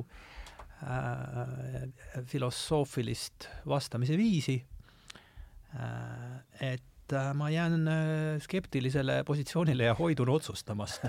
seda enam, et ma pole entsüklopedist, et äh, säärasele küsimusele üldse vastata. noh, et kõike arvesse võtvalt, ma ei mm, -hmm. Mugav, eks. Pole, pole ekspertiisi. jah, ei ole ekspertiisi. aga huvitav jah, millele ta soovis siis äh, tähelepanu pöörata, sest ta äh, no see lause on siin niimoodi siis, see, see tuleb nüüd Hillmanist, et me oleme jäänud nominalismi hiigellaine alla, nagu ütleb äh, C.S. Peirce. Descartes, Locke, Berkeley, Hume, Leibniz, Kant ja Hegel, kogu moodsa filosoofia iga võimalik sekt on olnud nominalistlik. See on nüüd Hillmani äh,, Hillmani, Hillmani tsitaat, no Hillman on ilmselgelt äh, eelkõige retoorik äh, mitte ma ei tea mitte..., mida ta täpselt siin nominalismi all mõtleb et sellest oleneb päris palju. Mm. ja, ja millele ta seda üldse tegelikult no no mina, ju, ju ta ikkagi võrdleb seda, ju ta võrdleb ikkagi seda, et, et see no ma arvan, et ta eeldab seda, et see metafüüsiline universum või metafüüsiline reaalsus kus siis üldised asjad peaksid mm -hmm. olema, on siis, et see on selle, selle suure pöörde, suure transformatsiooni põhisisu on see, et see on minema oletatud mm. -hmm. ja no, universaale üks... ei ole. jah, noh, ma arvan nii, ega mina taga, pähe taga ammugi ei mahu. no ma arvan, et ega need universaalid, ega nad ikka ära päris ka ei lähe. no just. ei, ei, ei, ei, nad ei ole surnud. jah uh jah, seda on raske siin äh, seda võiks ju proovida eksperimentaalselt kontrollida, aga seda vist tänapäeval on muusikas juba peaaegu võimatu teha, kuna euroatlantiline tsivilisatsioon koos oma muusikaga, võib-olla mitte tingimata just Beethoveni näol, aga selle näol, mida võib-olla tänapäeval väga palju mängitakse, on vallutanud peaaegu kõik äh, maailma nurgad.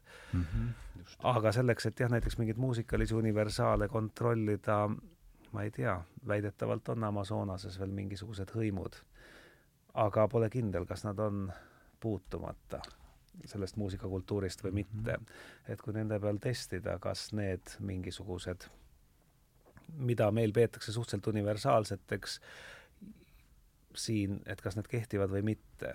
et meie puhul muidugi pole, nad, nad toimivad siin universaalidena, sest ükskõik, kas nad siis seda on või ei ole, nad on lihtsalt niivõrd üld, üldlevinud, et või noh, me oleme niivõrd sellesse sisse kasvanud, et nad praktiliselt, praktilises mõttes nad, nad sellena toimivad. Noh, kas või üks asi on seesama tonaalsus, eks ole, lääne muusika tonaalne süsteem, mitte et tänapäeva, ja ma mõtlen ka seda natukene laiendatud viisil, et noh, tänapäeval võib-olla keegi ei kirjuta rangelt enam nagu Mozart, aga kasutatakse siiski neid samu ehituskivisid ja, ja mingisugune mõtteviis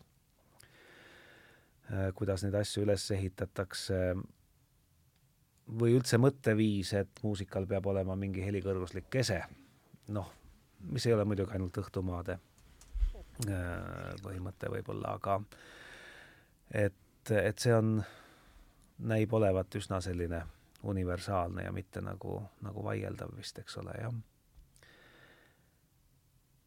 ja aga nojah, et siin on nagu, vaat seda on raske testida jah, et kuidas, kuidas nende asjadega tegelikult on aga ütleme nüüd noh, ikkagi see, mis mind reaalselt huvitab, kui me, see on mulle ka sel-, selgunud selle vestluse mm -hmm. käigus ja see, noh, see on ikka seesama suur transformatsioon, sest mul on niisugune tunne ja miks see mind huvitab, on see tunne, et me oleme praegu millegi sarnase keskel. mis juhtus, et see, mis praegu õues toimub, on selle lähimat paralleeli maksab otsida keskaja keskelt, et see ei ole mingi siin tead, teise maailmasõja järgne kuuekümne kuues majandustsükkel, mis meid siin praegu kiusab ja loomulikult see, et ma nii arvan, see ei tähenda, et asjad nii on, ma sellest annan endale ka aru. aga kuivõrd mulle, mu niisugune sisetunne ütleb, et see, mis siin praegu õues toimub äh,, on, et see on väga sarnane sellega, mis toimus keskaja lõpus. ja seetõttu on huvi selle vastu, et mis toimus siis keskaja lõpus, mis oli see, mis oli see, mis et kus me näeme selle suure transformatsiooni ilminguid nüüd muusikas, mis, et kui me ütleme see, et et see hakkas pihta, see suur transformatsioon hakkas pihta siis nüüd renessansis esteetilise pöördena kõigepealt. nojah, et uusaja algus on markeeritud selle niinimetatud monoodilise stiiliga, mis on siis noh, lihtsabaselt öelda meloodia ja saade, eks ole. mis tundub meile tänapäeval üks väga kuidas öelda, standardne ja, ja konventsionaalne muusika esitamise vorm. monoodiline stiil, jah jah, monoodiline, nii teda nimetati jah, seal aga mis siis enne oli? alguses enne oli polüfooniline, see tähendab, enne oli noh, kui nüüd rääkida esteetikast, kuigi esteetika tuleb ju alles, kaheksateistkümnenda sajandi teema võib-olla, kui me räägime esteetikast selle sõna modern, modernsemas tähenduses. esteetika kirjutatakse tuhat seitsesada viiskümmend vist, ilmub esimene esteetika, midagi, mis on pealkirjastatud kui esteetika, kui, kui kunstifilosoofia. aga äh, aga esteetilises mõttes jah, võib öelda, et, et, et see, mida me nimetame madalmaalaste stiiliks, selleks muusikaliseks renessansiks. me jõuame ikka selle, mis need olid, need et see äh, esteet-, jaa, just nimelt, prima pratika annab nagu esteetilise, võrdse esteetilise kaalu igale häälele. ei ole mm -hmm. peahäält ja kõrvalhäält no,, mingis mõttes kuigi nad mingisuguses hetkes võivad olla muidugi mõni võib olla tähtsam, mõni vähem tähtsam, mõni tulla rohkem esile, teine vähem esile, aga esteetilises plaanis on nad võrdväärsed. ja see sekonda praktika ehk siis see uusaegne hüpe või murdumine muusikas seab just nimelt äh, primaarseks selle, mida me nimetame tänapäeval meloodiahääleks mm. -hmm. ja, ja see on nüüd see, mis kannab just nimelt seda meloodilist informatsiooni, ütleme nagu esteetilises mõttes ja ja ülejäänud hääled on muidugi ka, aga nende roll on olla kontekst, olla tugi, see on nüüd see nummerdatud bass, mis on tegelikult konspektiivselt üles kirjutatud, seesama polüfoonia. Neid hääli, ülejäänud hääli ei kirjutata enam välja, vaid nad märgitakse numbritena noodi alla, hiljem tulevad sealt meie akorditähised ja kõik sellised Aha. asjad, mida me tänapäeval kasutame, eks ole Äh, tuurimärgid, nagu neid nimetatakse mm. -hmm. sellest ma isegi saan midagi ja, vist aru. aga, aga see mõtteviis, et me paneme niimoodi jah, et tuurimärgid just, et, et see tähendab, et need on nüüd need, see kontekst, see harmooniline kontekst sellele peahäälele, ikkagi meloodiahäälele, mis kannab seda põhi, põhiinfot. ja see on mm -hmm. siis see monoodiline stiil, hiljem siis ka nimetatud homofooniliseks stiiliks, et üks hääl, keskne hääl, mis siis äh, veab äh, millel on see esteetilise informatsiooni raskuspunkt siis. mis on nagu puhtalt äh, põhjendatav muidugi sellega, et muusika ähm, funktsioon, ma mõtlen sotsiaalses plaanis, väga tugevalt muutub, sest alates sellest ajast me hakkame üldse rääkima äh, kontsertmuusikast mm. -hmm. tähendab sellisest väga kummalisest ja tegelikult kui hakata järgi mõtlema, väga veidrast muusikavormist, kus muusikat tehakse selleks, et see kuskil maha mängida ja siis tulevad keegi saali, eks ole, sada või kaks tuhat inimest ja on korralikult seal kaks tundi ei nahista, eks ole, ja kuulavad selle ära ja veel pärast viisakalt plaksutavad ka ja maksavad ka raha selle eest, et sinna kontserdisaali tulla. et noh, see idee sellises vormis see... ei ole üldse ajalooliselt väga-väga äh, vana. aga see enne siis seda oli õukonnamuusika või, või? no väga erinevad või... variandid, seal on jah, tal on erinevaid funktsioone, no eelkõige oli ta muidugi kirikumuusika, tähendab ah,, või vähemalt see, mis jah, meil jah, jah. noodid on no,, tähendab see, mis on dokumenteeritud muusika, on suuresti vaimulik muusika äh, aga jah, muidugi õukonna, tseremoniaalmuusika mm, -hmm. mitmesugused vormid, tantsumuusika muidugi mm -hmm. alati ka kuskil, nad on, nad, ta alati on millegagi koos, ta on ikkagi, tal on mingi utilitaarne tähendus. Yeah.. mitte, et ta ei oleks, me võime tänapäeval ka öelda, et sellel muusikal on omad kunstiambitsioonid, aga, aga ta eelkõige ikkagi tema mõte on olla kusagil mujal ja, ja nüüd selle pöörde tagajärjel, noh, sealt võtab ka veel aega, sada viiskümmend aega, enne kui me jõuame nii-öelda klassitsismi, kus, kus tõesti tekibki noh, tegelikult veel ei teki, ütleme filosoofias või esteetikas defineeritakse see hiljem, aga põhimõtteliselt kujuneb välja midagi sellist, mida me nimetame autonoomseks kunstiteoseks, mille olemasolu mõtteks on ainult tema ise ja, ja me läheme teda kuulama ainult tema enda struktuuri pärast ja no see on kõik see, mida formaalesteetika, suuresti küll üheksateistkümnendal sajandil alles, noh, sõnastab niimoodi võib-olla juba, juba nagu täpsemalt. ja aga no ütleme, olemuslikud või tundub mulle et, et sisulises plaanis on need asjad seal juba sees. nii et see suur pööre nagu jah, ta kõigepealt äh, jah, teisendab väga põhjalikult seda muusika funktsiooni, mis ta on, eks ta jääb ikka ju esialgu veel õukonda, aga tekivad ooperiteatrid, see on juba esimene, eks ole. no tekib üldse üks naljakas asi, mida me ooperiks nimetame, mis tekib ju selle vana tra-, Kreeka tragöödia justkui mm -hmm. nagu taas mm -hmm. äh, sünnitamise eesmärgil, aga, aga selle tulemusena tekib hoopis midagi uut ja noh, mingil hetkel ka nüüd see instrumentaalmuusika, mis äh, algselt on ainult võib-olla prelüüd ooperile või sissejuhatus ooperile või mingisugune vahemäng või mingisugune tantsunumber, omandab aina suuremat kaalu, eks ole, tulevad erinevad instrumentaalmuusika žanrid, ta muutub aina, aina olulisemaks ja tõesti klassitsismis kujuneb välja äh, tõesti see, see, kus me saame rääkida muusikalistest suurvormidest, aga jah, see selleks, et see asi saaks võimalikuks, miks see, miks see peahääl seal on, eks see peahääle mõte on selles, et see on midagi, mis on äh, muusikakuulajal kõige kergem jälgida mm. -hmm. tähendab, me ei saa laulda madrigale äh, kuueteistkümnenda sajandi lõpu mõttes, sest, sest need madrigalid, mida me täna ka võib-olla kuulame kontserdisaalis, neid ei ehit-, esitatud ju seal, asja mõte oli, et äh, aadli noormehed tulevad kokku äh,, jagatakse noodid välja või noh, õigemini vist ei jagatud, tollal oli pigem üks noot ja erinevad partiid erineva noh, oldi sellise laua taga, ümmarguse või mingisuguse laua taga, igaüks vaatas oma partiid, seda lauldi, esitaja ja vastuvõtja oli üks ja seesama inimene, see oli selline harrastus. see ei olnud mõeldud kuidagi esitamiseks kellelegi, kes ise sellest laulmisest osa ei võta mm. -hmm. näiteks, kui me räägime ilmalikust muusikast, ütleme renessansi, hilisrenessansi puhul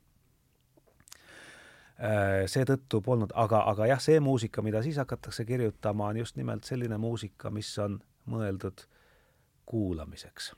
tekib ka kontsertlik kirikumuusika, kirikus hakatakse esitama teoseid, mis ei ole liturgiline muusika, see tähendab, mis konkreetselt ei toeta jumalateenistust selle erinevates vormides, vaid mis ongi lihtsalt kirikus esitatav muusika kirikus kuulamiseks, vaimuliku sisuga, aga mitte liturgia osa nii et ähm, äh, see on jah, selline väga fundamentaalne pööre mm. -hmm. kontserdisaalid, eks nad, need tulevad kõik veel tasapisi hiljem äh, järgi.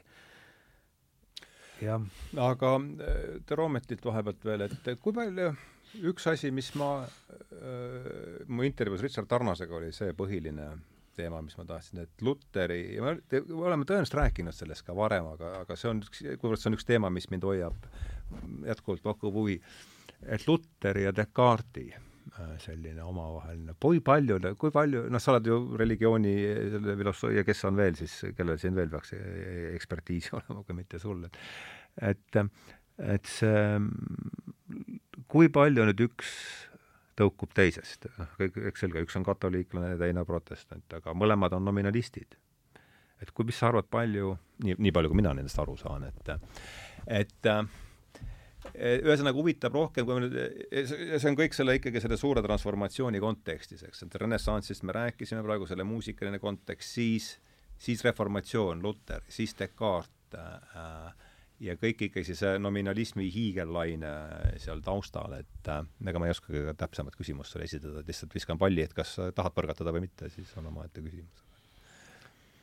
no kui pall visati, siis midagi tuleb sellega ette võtta äh, et äh, ma isiklikult ei ole harjunud äh, selle perioodi mõtlemist nagu just nominalismi ja realismi terminoloogias käsitlema, kuigi tõenäoliselt saab ka seda teha, aga ma ei ole kindel, kas ma nagu oskan seda, seda, sedaviisi põrgatada praegu.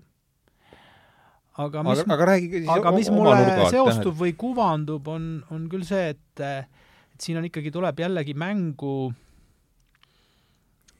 äh, mõistuse piiride küsimus, mis on, mulle tundub nagu üks, üks, üks olulisemaid üldse siin filosoofilistes seostes, millest me oleme täna rääkinud ja kaasa arvatud siis selles äh, ajastus, millest me siin praegu räägime spetsiifilisemalt. et äh, mis on tunnetatav mõistuse abil mis ei ole äh,. Mi-, mis jääb usu rolliks, kui meil on ette antud mingisugune ports õpetusi, siis äh, missugused neist on mõistusega hoomatavad, käsitletavad ja ka tõendatavad ja missugused jäävad mõistuse haarde ulatusest välja ja mhm. siis kuidas nendesse kõigisse suhtuda, suhtuda mulle meenuvad selle koha peal hoopiski äh, näiteks jumala tõestused. ahah, väga huvitav. aga samuti ka hinge surematuse tõestused, mis puudutab juba otseselt, mõlemad need puudutavad sellest me rääkisime, eks ole, otseselt Descartesi. jah, jah, jah. Ja kuidas neisse suhtuda? Ja no sel ajal äh, veel ei olnud kanti, kes teatavasti need tõestused tükiks ajaks ära nullis mõnede arvates lõplikult. Äh,, ja neid tõestusi lihtsalt siis sellega, et sellest asjast iseendas me ei tea, nagu ei ole midagi, sa mõtled ei, sellega ei, või? Kantika näitas täiesti ratsionaalsete vahenditega, ükshaaval võttis need klassikalised jumala tõestused läbi, näidates, et need ei kehti. nii. jah, see on ikka üks päris karm laks oli. ja kus ta teeb seda? Äh, puhta mõistuse kriitikas ah, ja, ja spetsiaalselt tegeleb nendega äh, küsimus on just nimelt noh, tunnetusvõime piirides, eks ole, kas me mhm. saame üldse mõistusega näidata, et äh, Jumal eksisteerib või mitte, kas need, kas sellised tõestused on, on võimalikud, kas nad saavad kehtida. Nendega tegeletakse tänapäeval edasi äh, teatud kitsas äh, loogilises raamistuses, aga noh, see on juba teine teema. et äh, selles ajaloolises kontekstis nagu öeldud äh,, kui Descartes tegeleb oma selle meditatsioonidega, siis äh, tema maailma raamistusest püüab just nimelt näidata, et eks ole, äh, Jumal eksisteerib, see on ratsionaalselt äh, tõendatav ja hinge lahutatavus kehast ka, mis kõik eeldavad selgeid definitsioone, me määratleme, mida me mõistame Jumala all, mida me mõistame hinge all, mida keha all, ja siis me näitame, tuletame sellest need suurejoonelised metafüüsilised järeldused. mis on täiesti mm, peaaegu nagu norm selles ajastus või et kui sa kirjutad ikkagi traktaadi maailma alustruktuuridest äh, ja jumalatõestus või hinge immateriaalsuse äh, demonstratsioon on puudu, siis äh, on su teos puudulik. jällegi need normid ümbritsevad neid inimesi. aga samal ajal kogu aeg on on kohal needsamad, need hämaramad õpetused ja siis nende, siis nende vaheline piirjoon, et mis siis nagu, mis siis jääb mõistuse valda ja mis jääb sealt välja. ja no mõnes mõttes ja noh, see nüüd puudutab vast siis juba Luterit ka, et küsimus on selles mm, -hmm. et mhm. kui palju rõhku me paneme siis usule ja mis on üldse usu läbi tunnetatav ja võimalik ja mis on siis lõppkokkuvõttes ikkagi inimese jaoks kõige tähtsam, eriti pidades silmas tema kulgemist äh, tulevasse surmajärgsesse ellu, äh, millega kogu aeg arvestatakse. ja nüüd, mis puudutab seda transformatsiooni ja seda mina oma nendes väikestes mõtisklustes ja uurimustes olen püüdnud ka näidata, just seda transformatsiooni, mingis mõttes jah, üleminekut keskajalt uusajale, eh, noh, kui me neid juba niimoodi, eks ole, traditsioonipäraselt eristame ja, ja üksteise järgi seame, et kindlasti see transformatsioon on, on aeglane, sellel on oma sellised tähised, teetähised, nagu seesama Descartesi meditatsioonid ja veelgi enam äh, Newtoni peateos mm, -hmm. aga nii, nagu sa lähed sinna sisse äh, ja hakkad vaatama, mis seal ümberringi toimub, mis nende peades veel toimub mm, -hmm. siis kõik läheb äh, äh, selline võib-olla esialgne lihtne skeem äh, sellest transformatsioonist äh, osutub tohutu palju tahuliseks, kus see, mis arvati olevat ületatud, kestab mingis vormis edasi, näiteks mingi aristotelik filosoofia teatud kontekstides kestab edasi, see ei käi, eks ole, mingisuguse pauguga, et nüüd on ühe, ühe, ühe lõpp on kohe teise algus, on mingisugused paralleelsed suunad, see on aastakümnete ja mõnikord aastasadade küsimus, kuidas see kuidas see kõik lõpuks jõu-, juhtub ja kuidas sinna välja jõutakse, kuhu välja jõutakse. Ja mida veel tähendab näiteks seesama natuurfilosoofia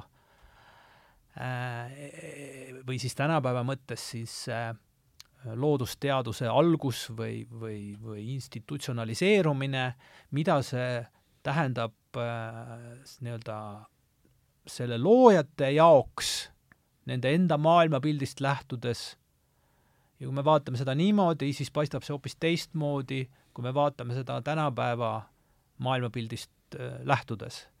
Nad ise nii-öelda omas mahlas äh, mõjuvad hoopis teistmoodi mm. Mhm. -hmm. küsimus on muidugi selles, et kas me tahame sellega üldse tegeleda, keda see huvitab, mind on see kogu aeg huvitanud yeah.. minna sinna Descartesi pähe, minna sinna Newtoni -hmm. pähe, minna ka Tolandi pähe mm, -hmm. no nii, niivõrd, kui see nende tekstide vaheldusel meie võimuses on, mind köidab just see mis peas toimus. ja, ja see, ja, ja mis nende ümber toimub, eks ole, et, et vaadata, kuidas nemad nendest asjadest tõenäoliselt äh, aru said, sest väga kerge on muidugi see kõik tõmmata mingisugusele jah, ei, tõene, väär äh, listule ja siis lihtsalt teha jah, ignoreerida seda. Äh, aga jah, et lähemal vaatlusel see pilt läheb väga mitmetahuliseks. noh, see on, see on muidugi vältimatu igasuguse sellise ajaloolise käsitluse juures jah, kui siin muusikas rääkida veel just sellest jälle seitsmeteistkümnendast äh, sajandist, siis äh, jah, tagantjärgi me saab ju öelda, et, et, et see, mis muusikas toimus äh, kompositsioonitehniliselt oli ja esteetiliselt oli, oli midagi väga põhimõtteliselt uut ja, ja meil ei oleks tänapäevast muusikat, kui, kui seda ei oleks olnud. nõnda aga teistpidi tõesti, kui, kui vaadata nüüd äh, seda aega pigem selle, minnes sinna rohkem nagu lokaalselt sisse, siis äh, äh, see on kummaline, et see andis nii palju tulevikule, see aeg, ja, ja kui nüüd minna sinna sisse, siis, siis kui vaadata, mis seal pigem äh, domineerib, see muidugi on geograafiliselt regiooniti ka erinev ähm,, tähendab, see on kaugel sellisest, kuidas öelda äh,, mingisugusest progressi usust või usust sellesse, et me liigume kuskile rõõmsalt mingisuguse helge tuleviku poole, et noh, seitsmeteistkümnes sajand muusikas ei tundu üldse selline, kuigi samas tehakse neid olulisi eksperimente ja, ja visatakse kuskil mingis mõttes pall väga kaugele tulevikku aga noh, kui me vaatame näiteks, esiteks juba see prima ja seconda praktika, tähendab üks nüanss, mis võib-olla jäi siin mainimata, on see, et et sellega tuleb kohe see mentaliteet, et see kuldaeg on jäänud kuhugi, see prima praktika, et see on jäänud, et kuskil minevikus, selles ka muidugi nagu alati konstrueeritud hüpoteetilises minevikus oli kuskil see eh, muusikaline aeg, et see, mida me praegu tajume, on pigem lagunemine ja need muusika erinevad veidrad vormid, eks ole, ja uued vormid, mis võt-, seal maad äh, võtavad ja eriti tugevalt on selline ma ütleksin, teatav selline patukahetsuslik joon mm. läheb just eelkõige läbi saksa muusika, mis üldse on natukene noorem muusikakultuur võrreldes võib-olla Itaalia ja, ja Prantsuse või Prantsuse ja Itaaliaga, peaks ütlema. no tol ajal, tänapäeval tundub kuidagi imelik öelda saksa muusikakultuuri kohta midagi sellist aga peab ütlema, et renessansi aja lõpuks noh, Itaalial oli näidata ette terve meistrite plejaad, madalmaalased, prantslased ja Saksamaa metsades ikka veel ulusid hundid ja väga palju ei, ei toimunud. justkui nagu selles plaanis, et, et ka paljud sakslased, kes, eks ole, läksid ka pigem mujale õppima ja, ja tegutsema ehm, ja, ja on üks väga huvitav tendents näiteks saksa muusikas, et me võime võtta kaks heliloojat sajaaastase vahega, kes on mõlemad suurkujud, üks juba see nimetatud Johann Sebastian Bach, aga teiselt poolt temast sada aastat vanem Heinrich Schütz. jah, temast ja, oli juttu. ja, ja, ja mingis mõttes on, on, on seal mingisugune paralleel sees. Heinrich Schütz alustab ju ka sellise äh, radikaalse, seitsmeteistkümnenda sajandi alguses just sellise radikaalse, võib öelda peaaegu avangard heliloojana omas ajas, eksperimenteerides kõikide nende moodsate uute Itaalia vooludega, sellesama monoodilise stiili, Heinrich Schütz, jah.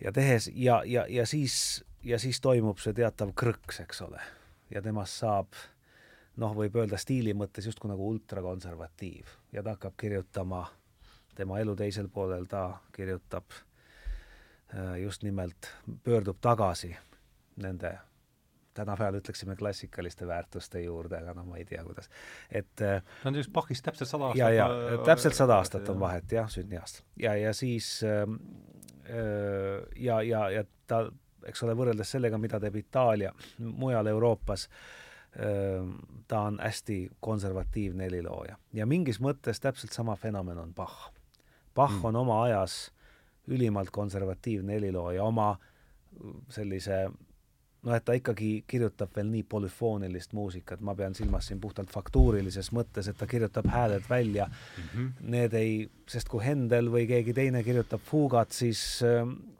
see on rohkem selline pro forma, eks ole, hääled astuvad ükshaaval sisse, aga olles kõik sisse astunud, lülitume me lõõms, rõõmsalt sellisele homofoonilisele reipale mm, kulgemisele ja me eriti ei hooli enam väga võib-olla sellest alati, mis seal alumistes häältes toimub, muidugi küps Händel jälle mingis mõttes ma ei tea, kas pöördub tagasi, aga, aga see kontrapunkt jälle muutub selles mõttes nagu olulisemaks, aga Bach nagu ei, ja Bach ka, ütleme, ta alustab pigem moodsamana, ta on ju alguses korraks seal õukonnas ja kirjutab need Brandenburgi kontserdid ja ja, ja, ja, ja pigem, eks ole, eksperimenteerib ja siis jah, läheb Leipzigisse ja seal kirjutab need oma kantaadid ja tegelikult omas ajas on selline hästi äh, konservatiivne ja pigem võiks öelda, et stiili ja kompositsiooni, eriti võib-olla kompositsioonitehnika mõttes, ta pigem üldistab ja võtab kokku kogu selle kogu selle suure väärika traditsiooni, mis Itaalias ja Prantsusmaal on selleks ajaks juba lootusetult ära unustatud, aga, aga nad kuidagi jah, sakslased veel äh, teevad, nii et see minevik, olevik, tulevik, see kõik on hästi kummalisel kombel äh, segamini. et äh, väga sed-, väga palju seda, millest me täna väga kõrgelt hindame, omal ajal käsitletakse lagunemise allakäiguna, jah. Äh, nii et jah, see on väga vastuoluline, et selle tõttu on tõesti väga raske tõmmata sellist ühest äh, ja siis tuleb korraks see klassitsism, eks ole, ja, ja, ja siis taas üheksateistkümnes sajand noh, kus see Wackenroder lausa ütleb, et igasugune mõistuse sekkumine on õudne terror. kes seda ütles? Wackenroder on see väga vähetuntud, suhteliselt vähetuntud Wacken kaks siis V A C K N K E N Wackenroder. Roder, Roder, Roder. jah, üks, üks jah, kes siis ähm, nii palju uusi nimesid tulnud täna kes siis ütleb, et kogu see igasugune mõistusega muusikalile lähenemine on, on, on selle tapmine kohe. et see ei ole enam muusika, mida ähm, aga kuidas siis äh, läheneda tuleks tema meelest ilmutuslikult, intuitiivselt. muide, ma ei tea ka, kas, kas te olete mõelnud, aga tegelikult muusika selles mõttes on müstiline, kui me kasutame müstilist sellises populaarses äh, tavatähenduses kui millegi mõistetamatusest. Lääne kunstmuusikast üldiselt tema muusik... enam-vähem täpselt sada aastat peale Bachi ja, ja mm. -hmm. Ja, ja taas jällegi kahtlused mõistuses, õigemini mõistuse vihkamine, aga noh, muidugi selles romantilises kontekstis juba, selles mõttes moodsas kontekstis, et no see on see mõi-, see, see on nüüd see pohmelus valgustussajandist mm, -hmm. et ähm, selgus, et mõistuse religioon siiski jah, võib-olla kõiki lootusi ei täitnud ja need on need teatavad hääled, mis nüüd muutuvad oluliselt tugevamaks jälle ja hakkavad äh, mõjutama seda mm. -hmm. aga tulles tagasi selle näite juurde, väga lihtne näide, me teame ju, et muusikas on, muusikat pannakse kirja noodina. tähendab, ütleme lääne kunstmuusikas. tänapäeval on palju muusikaid, kus nooti ei ole muidugi sellises traditsioonilises mõttes vaja. ja ometigi see, mis noodis kirjas on, mitte kunagi mitte keegi vähemalt kuni kahekümnenda sajandini ei ole öelnud, et see noot ise ongi muusika mm. -hmm. kui muusikast räägitakse, siis räägitakse sellest alati mõnevõrra noh, kuidagi nagu terviklikumalt või holistlikumalt ja, ja noh, näiteks Ernst Kurt, kahekümnenda sajandi filosoof, ütleb, et muusika Ernst on liikumine, Ernst Kurt, Kurt ja Ernst Kurt, ütleb, et muusika on äh, liikumine ja muusika ei ole mitte see üks noot ja see teine noot, vaid midagi, mis on nende kahe noodi vahel see, aga seda noodis ei ole. noodis on ainult noodid. et kõik see, mis moodustab tegelikult muusika, noodis puudub, et see on, noot on mingis mõttes justkui nagu muusika negatiiv. või, või selle teine pool. see on see, millele ta justkui nagu kinnitub, aga mis ta ei ole. no ja sealt tulevad siis need äh, väited ka, et noh, et äh, aga kui ma seda muusikat või seda nooti analüüsin, et mida ma siis tegelikult analüüsin ja ja et kas see, mis on kirjas, no see, see on, no see on nüüd seesama idee, et, et, et see muusika nii-öelda mateeria või see tema materiaalsus, et, et või vähemalt see, niikaua kui me räägime noodist või selle representatsioonist ähm,, saab mingil määral viidata või olla abivahend muusika realiseerimiseks, aga ta ei saa kunagi olla muusika, eks ole kas sulle tuleb meelde seesama pilt, millest me rääkisime Jaaguga vii-, viimases saates, kuidas Poom läks üle, kuidas ta avastas, mingi, tal oli niisugune mm, -hmm. kui ta läks üle selle oja üle, hüppas üle ja, kivide. et, et kui ta hakkas mõtlema, kuidas sinna kivide peale minna, siis asi läks nojah, sealt, sealt, sealt, sealt kadus ära see, jah, nojah. mul tuli kohe miskipärast see ja sealt võib tulla jah, selle Bergsoni juurde, kes ja. just nimelt seda räägib, et, et, et me, et, et üks asi, et, et see, millest me kunstis räägime, ei ole kunagi, kui me räägime ajalistest kunsti, ajalistest kunstivormidest, siis me ei räägi rangelt võttes kronomeetrilisest ajast, sest nagu me mm -hmm. selle kronomeetria tekitame, siis me tegelikult tapame selle kohe ära, sest asja mõte ei ole mitte olla üks tükk teise järel. ehk et võib ka öelda, et et selles mõttes muusika olemus ei saa kunagi olla digitaalne. ta ei saa olla digitaalne, sest digitaalsus, ta justkui nagu, see oleks nagu justkui vastuolus ähm, sellena, mis selle muusika essents võiks justkui nagu no, see muusik-, Kronos ja Kairose mingi ja, niisuguse ja, vastuolu tõenäoliselt, jah. nojah, ja siis noh, aga eks see ole ka nüüd see ilmutuse küsimus siinjuures jah, et, et vot, ja seal on need kaks asja, aga jah, et ähm, et need jah, muusikas on olnud alati koos,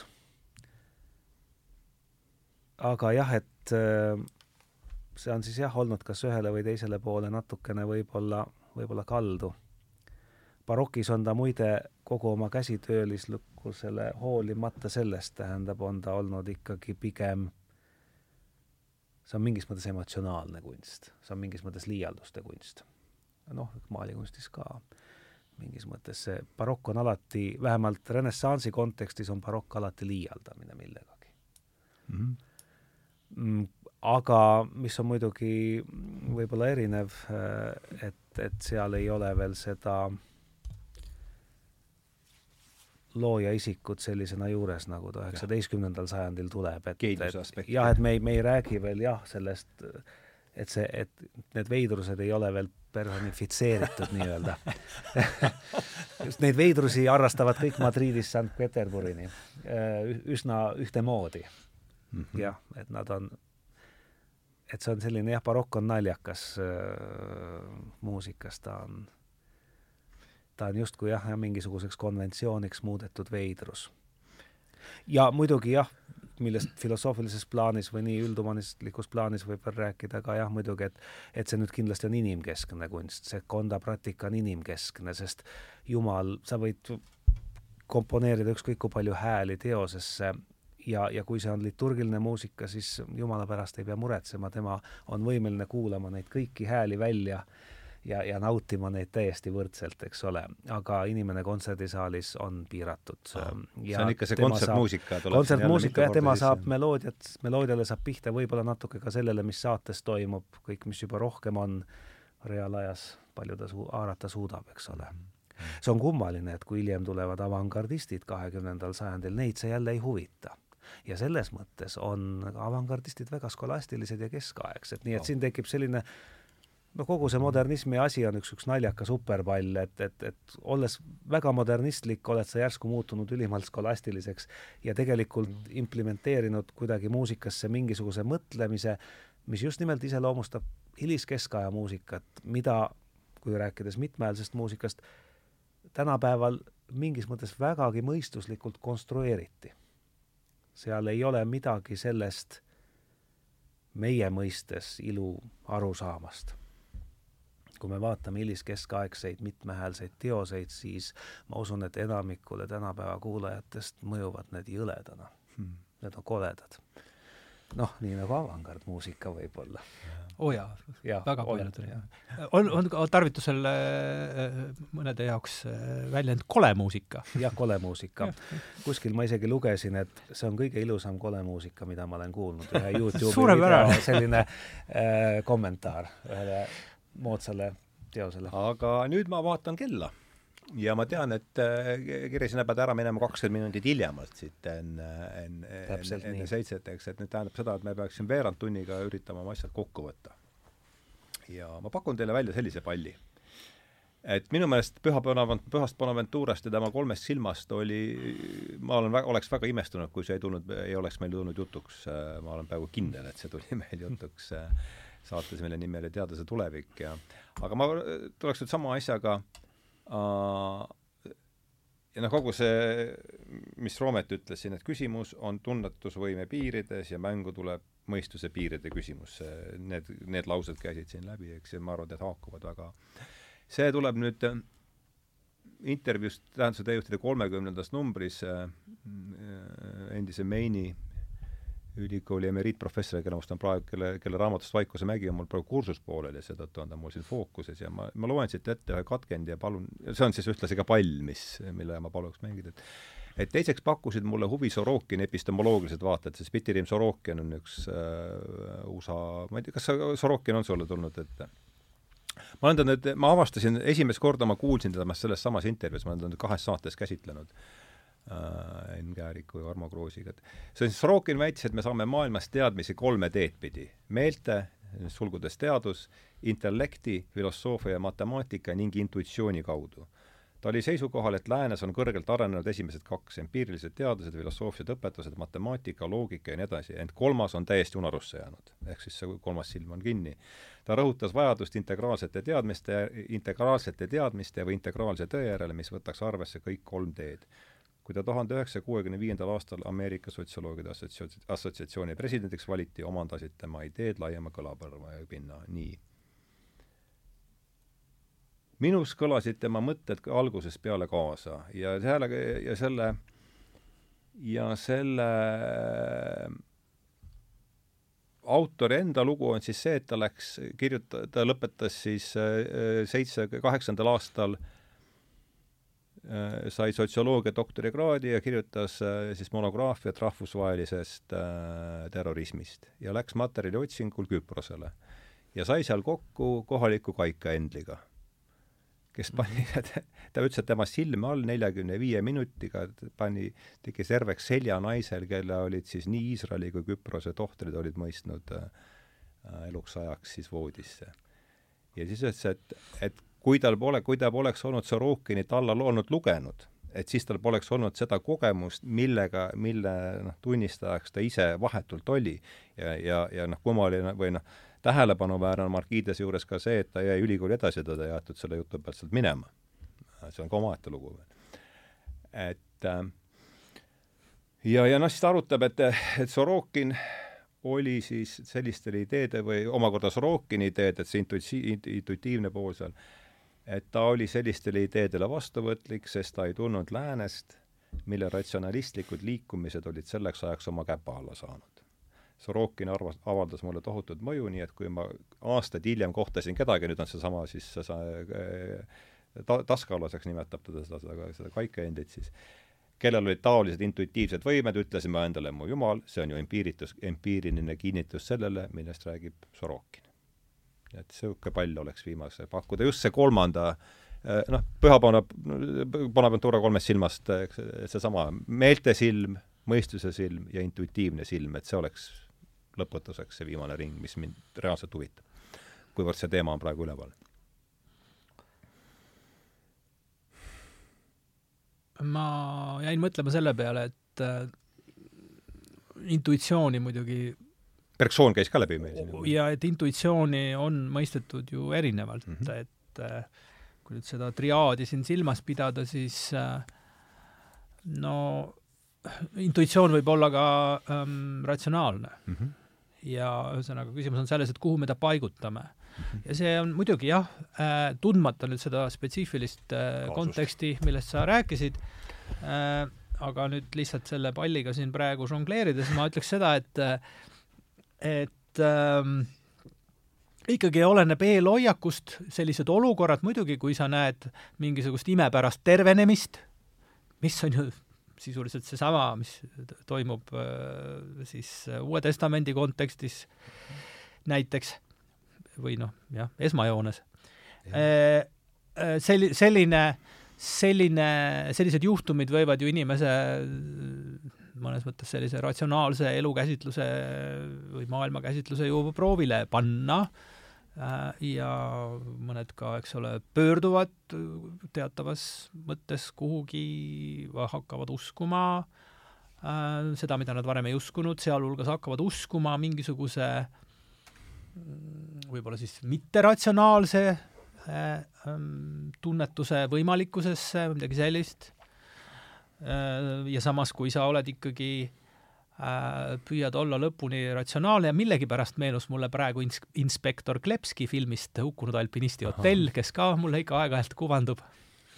kes püüab, kes puutub ka kokku väidetavate tulnukut, tulnukatega ja, ja püüab lõpuni jääda oma äh, ratsionalismile äh, truuks, kuigi tal on nagu need, need irratsionaalsed asjaolud karjuvad talle näkku aga see on väga, väga huvitav, väga huvitav ja noh, mingis mõttes siin paralleelne äh, näide tunnetusvõime võimalustest ja piiridest ja nende nähtustest, mis sellega vastuollu lähevad ratsionaalse asja käsitlusega.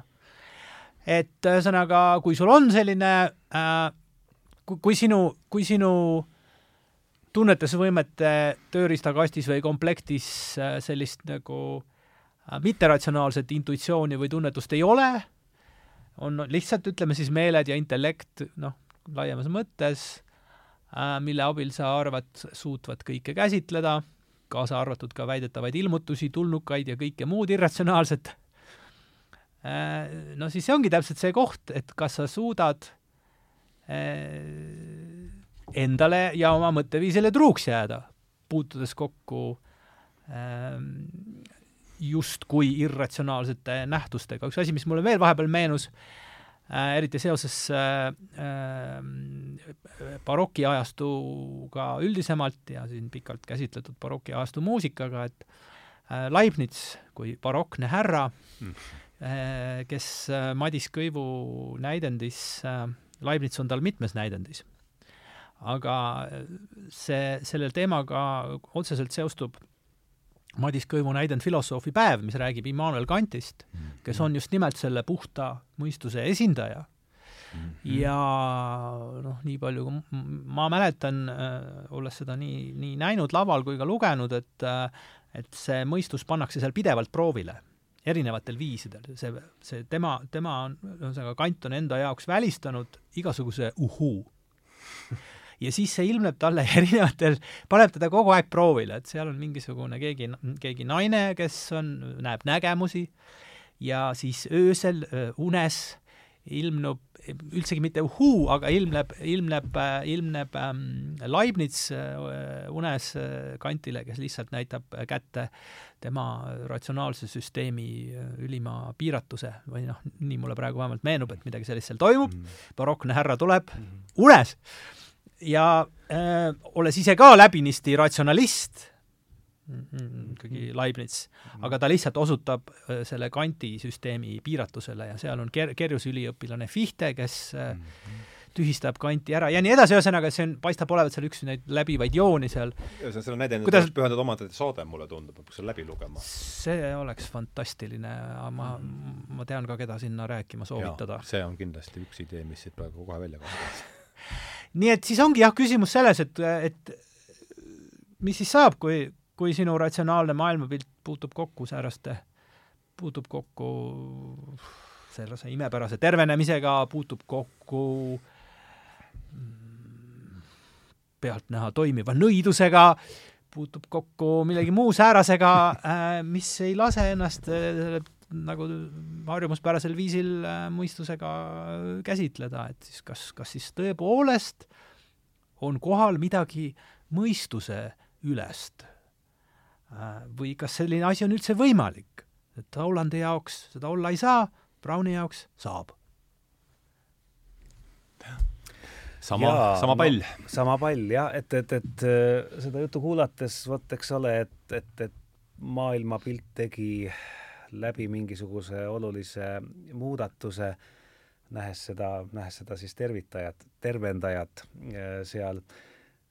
see jällegi näitab natukene seda, et äh, kas ei ole selle ilmutusega natuke nii, et me saame selle ilmutuse mingis mõttes siis, kui me oleme selleks valmis. Hmm. et antud juhul just nimelt härra oli lugenud Sorokinit, ta oli valmis selleks, et midagi tema maailmas äh, võib juhtuda, mis ei äh, klassifitseeru ainult puhtalt meeltega tajutavaks või, või intellektuaalseks, et on midagi veel, et ta kuidagi vist nagu justkui tegi ennast selleks valmis ja siis näib, et äh, maailm siis äh, valmistas talle kohe ka väikse sellise empiirilise kingituse, kingituse, et empiiriline kingitus. Empiiriline kingitus, et, et tema seda vaikselt, võib-olla märkamatult uuenenud maailmavaadet nüüd millegi tüsedamaga toetada, sellepärast et üldiselt meile vist meeldib, kui see, mida me mõtleme, kuidagi leiaks ka mingisuguse toetuse meist väljaspool, siis on meil natuke nagu tüsedam tunne, et, et võib-olla me ei ole päris ära trippinud kuhugi nii et, nii et, et ma tahaks võib-olla öelda, et siin noh, just nagu lõppsõna mõttes ka, et, et ilmutus on midagi, on täiesti võimalik hüpoteetiliselt, et me saame tegelikult kogu aeg ilmutusi, igal järgneval sekundil. küsimus, miks me neist ainult mõnda üksikut sellisena interpreteerime, on ilmselt siis seotud kuidagi meie vastu, meie valmisolekuga äh, see alla neelata. vaat ilmutus on selles mõttes selline tore asi, et ilmutus ei ole totaalselt mõistetamatu ja ilmutus ei ole ka totaalselt mõistetav, ilmutus peab olema selle piiri peal, minu enda piiri peal, kus ma, ma päris täpselt ei tea, et mida ma veel usun ja mida ma enam võib-olla ei usu või, või mi, mida minu mõistus enam justkui nagu vastu ei võta, ilmutus toimub seal Mm -hmm. kui ilmutus toimub liiga kaugel, siis ta läheb minust nagu üle pea ja noh, ja kas ta siis noh, minu subjektiivselt minu jaoks ta võib-olla ei ole ilmutus ja, ja kui ta toimub liiga juba minu sees, selles vallas, mis ma olen enda jaoks juba ära kodustanud, ratsionaliseerinud või kuidagi mhm. paika pannud, noh, siis on ta lihtsalt osa loogiline süsteemist. osa minu süsteemist jah, et mm, -hmm. et ähm, et äkki see ilmutus on nüüd, et äkki see ei ole iseenesest midagi müstilist, vaid äkki see on lihtsalt äh, see inimmõtlemise see piiriala Mm. ja, ja rääkides ka kvantfüüsikast ja paljudest nendest asjadest, et see on just seesama, see piiriala, kus me nagu just nimelt pendeldamegi selle ratsionaalsuse ja justkui veel mitteratsionaalsuse, aga ma arvan, et see, mis on mitteratsionaalsus, on lihtsalt veel see, see kodustamata, kodustamata osa mm. -hmm jah. meie jaoks, nii et ilmutus on selles mõttes vägagi ratsionaalne ja vägagi selline ma ütleks, tööriist võib-olla oma maailmapildi laiendamisel. Oh, nii, aga siis on paar minutit mis on, Roomet, mis tänase äh, jutuajamisest sulle kõrva jäi, mis me oleme olnud varem mõelnud või mida tahaks veel viimane lõppsõna? et kas ja midagi, mis, millele polnud varem mõelnud või mida, mida oleksid tahtnud öelda, aga, aga mida tahaks, mis, mida ei ole saanud teha, et nüüd on see hetk? mõnes olukorras tahaks pikemalt vaikida ja äh, kuulata rohkem, mida Kerri räägib, mul oli väga põnev oli, äh, ma peaaegu et sekundeeriks sedasama, et oli väga, äh, ma ütleksin, hariv. ja, ja Sama ma kuulsin, kuulsin väga palju uut. oli väga palju, tõesti oli suurepärane, ma olen väga-väga äh, tänulik, et te leidsite reede õhtul ja Roomet veel sõitis Tartus kohale, et suur-suur-suur aitäh teile nii enda kui kõikide raadiokuulajate nimel, et see oli tõesti toekas vestlus ja, ja, ja aitäh teile. kas käsitlesime minu jaoks minu enda jaoks olulisi teemasid ja ja mis me oleme siin hoidnud üleval, nii et suur-suur aitäh teile äh,, täname ühtlasi kõiki neid, kes on teinud selle saate võimalikuks ja noh, täpselt see, mis sa ütlesid siin, et et kuidas see on võimalik, et e-, Eesti raadioeetris räägitakse Tolandist ja, ja Brownist, et see noh, väärib, see väärib imetamist, imestamist. et, et ja noh, seda tänu, tänu sellele, et sa neist kirjutasid ja saatesse tulid, on see võimalik ja ja, ja no minu jaoks äh, seesama, kuidas seda hääldad, Rameo, Rameo, Ramo, Ramo, jah, see, et ma, ma, ma tundsin nagu, et siin on Linneega mingi, kui sa rääkisid ja, ja, ega ma ei saa ju aru sellest muusika, terminoloogiast nii, nii väga hästi, aga mulle tundus, et seal on Linneega midagi, midagi sarnast. jaa, selline süstemaatika, klassifikatsioonid. et ja. see oli, oli, aga siis veel kord, et äh, aitäh ja tõmbame siis sellega joone alla ja mm lähme lahku suuremate sõpradena, kui me enne olimegi, nii et aitäh äh,! aitäh! Konsumaatum est!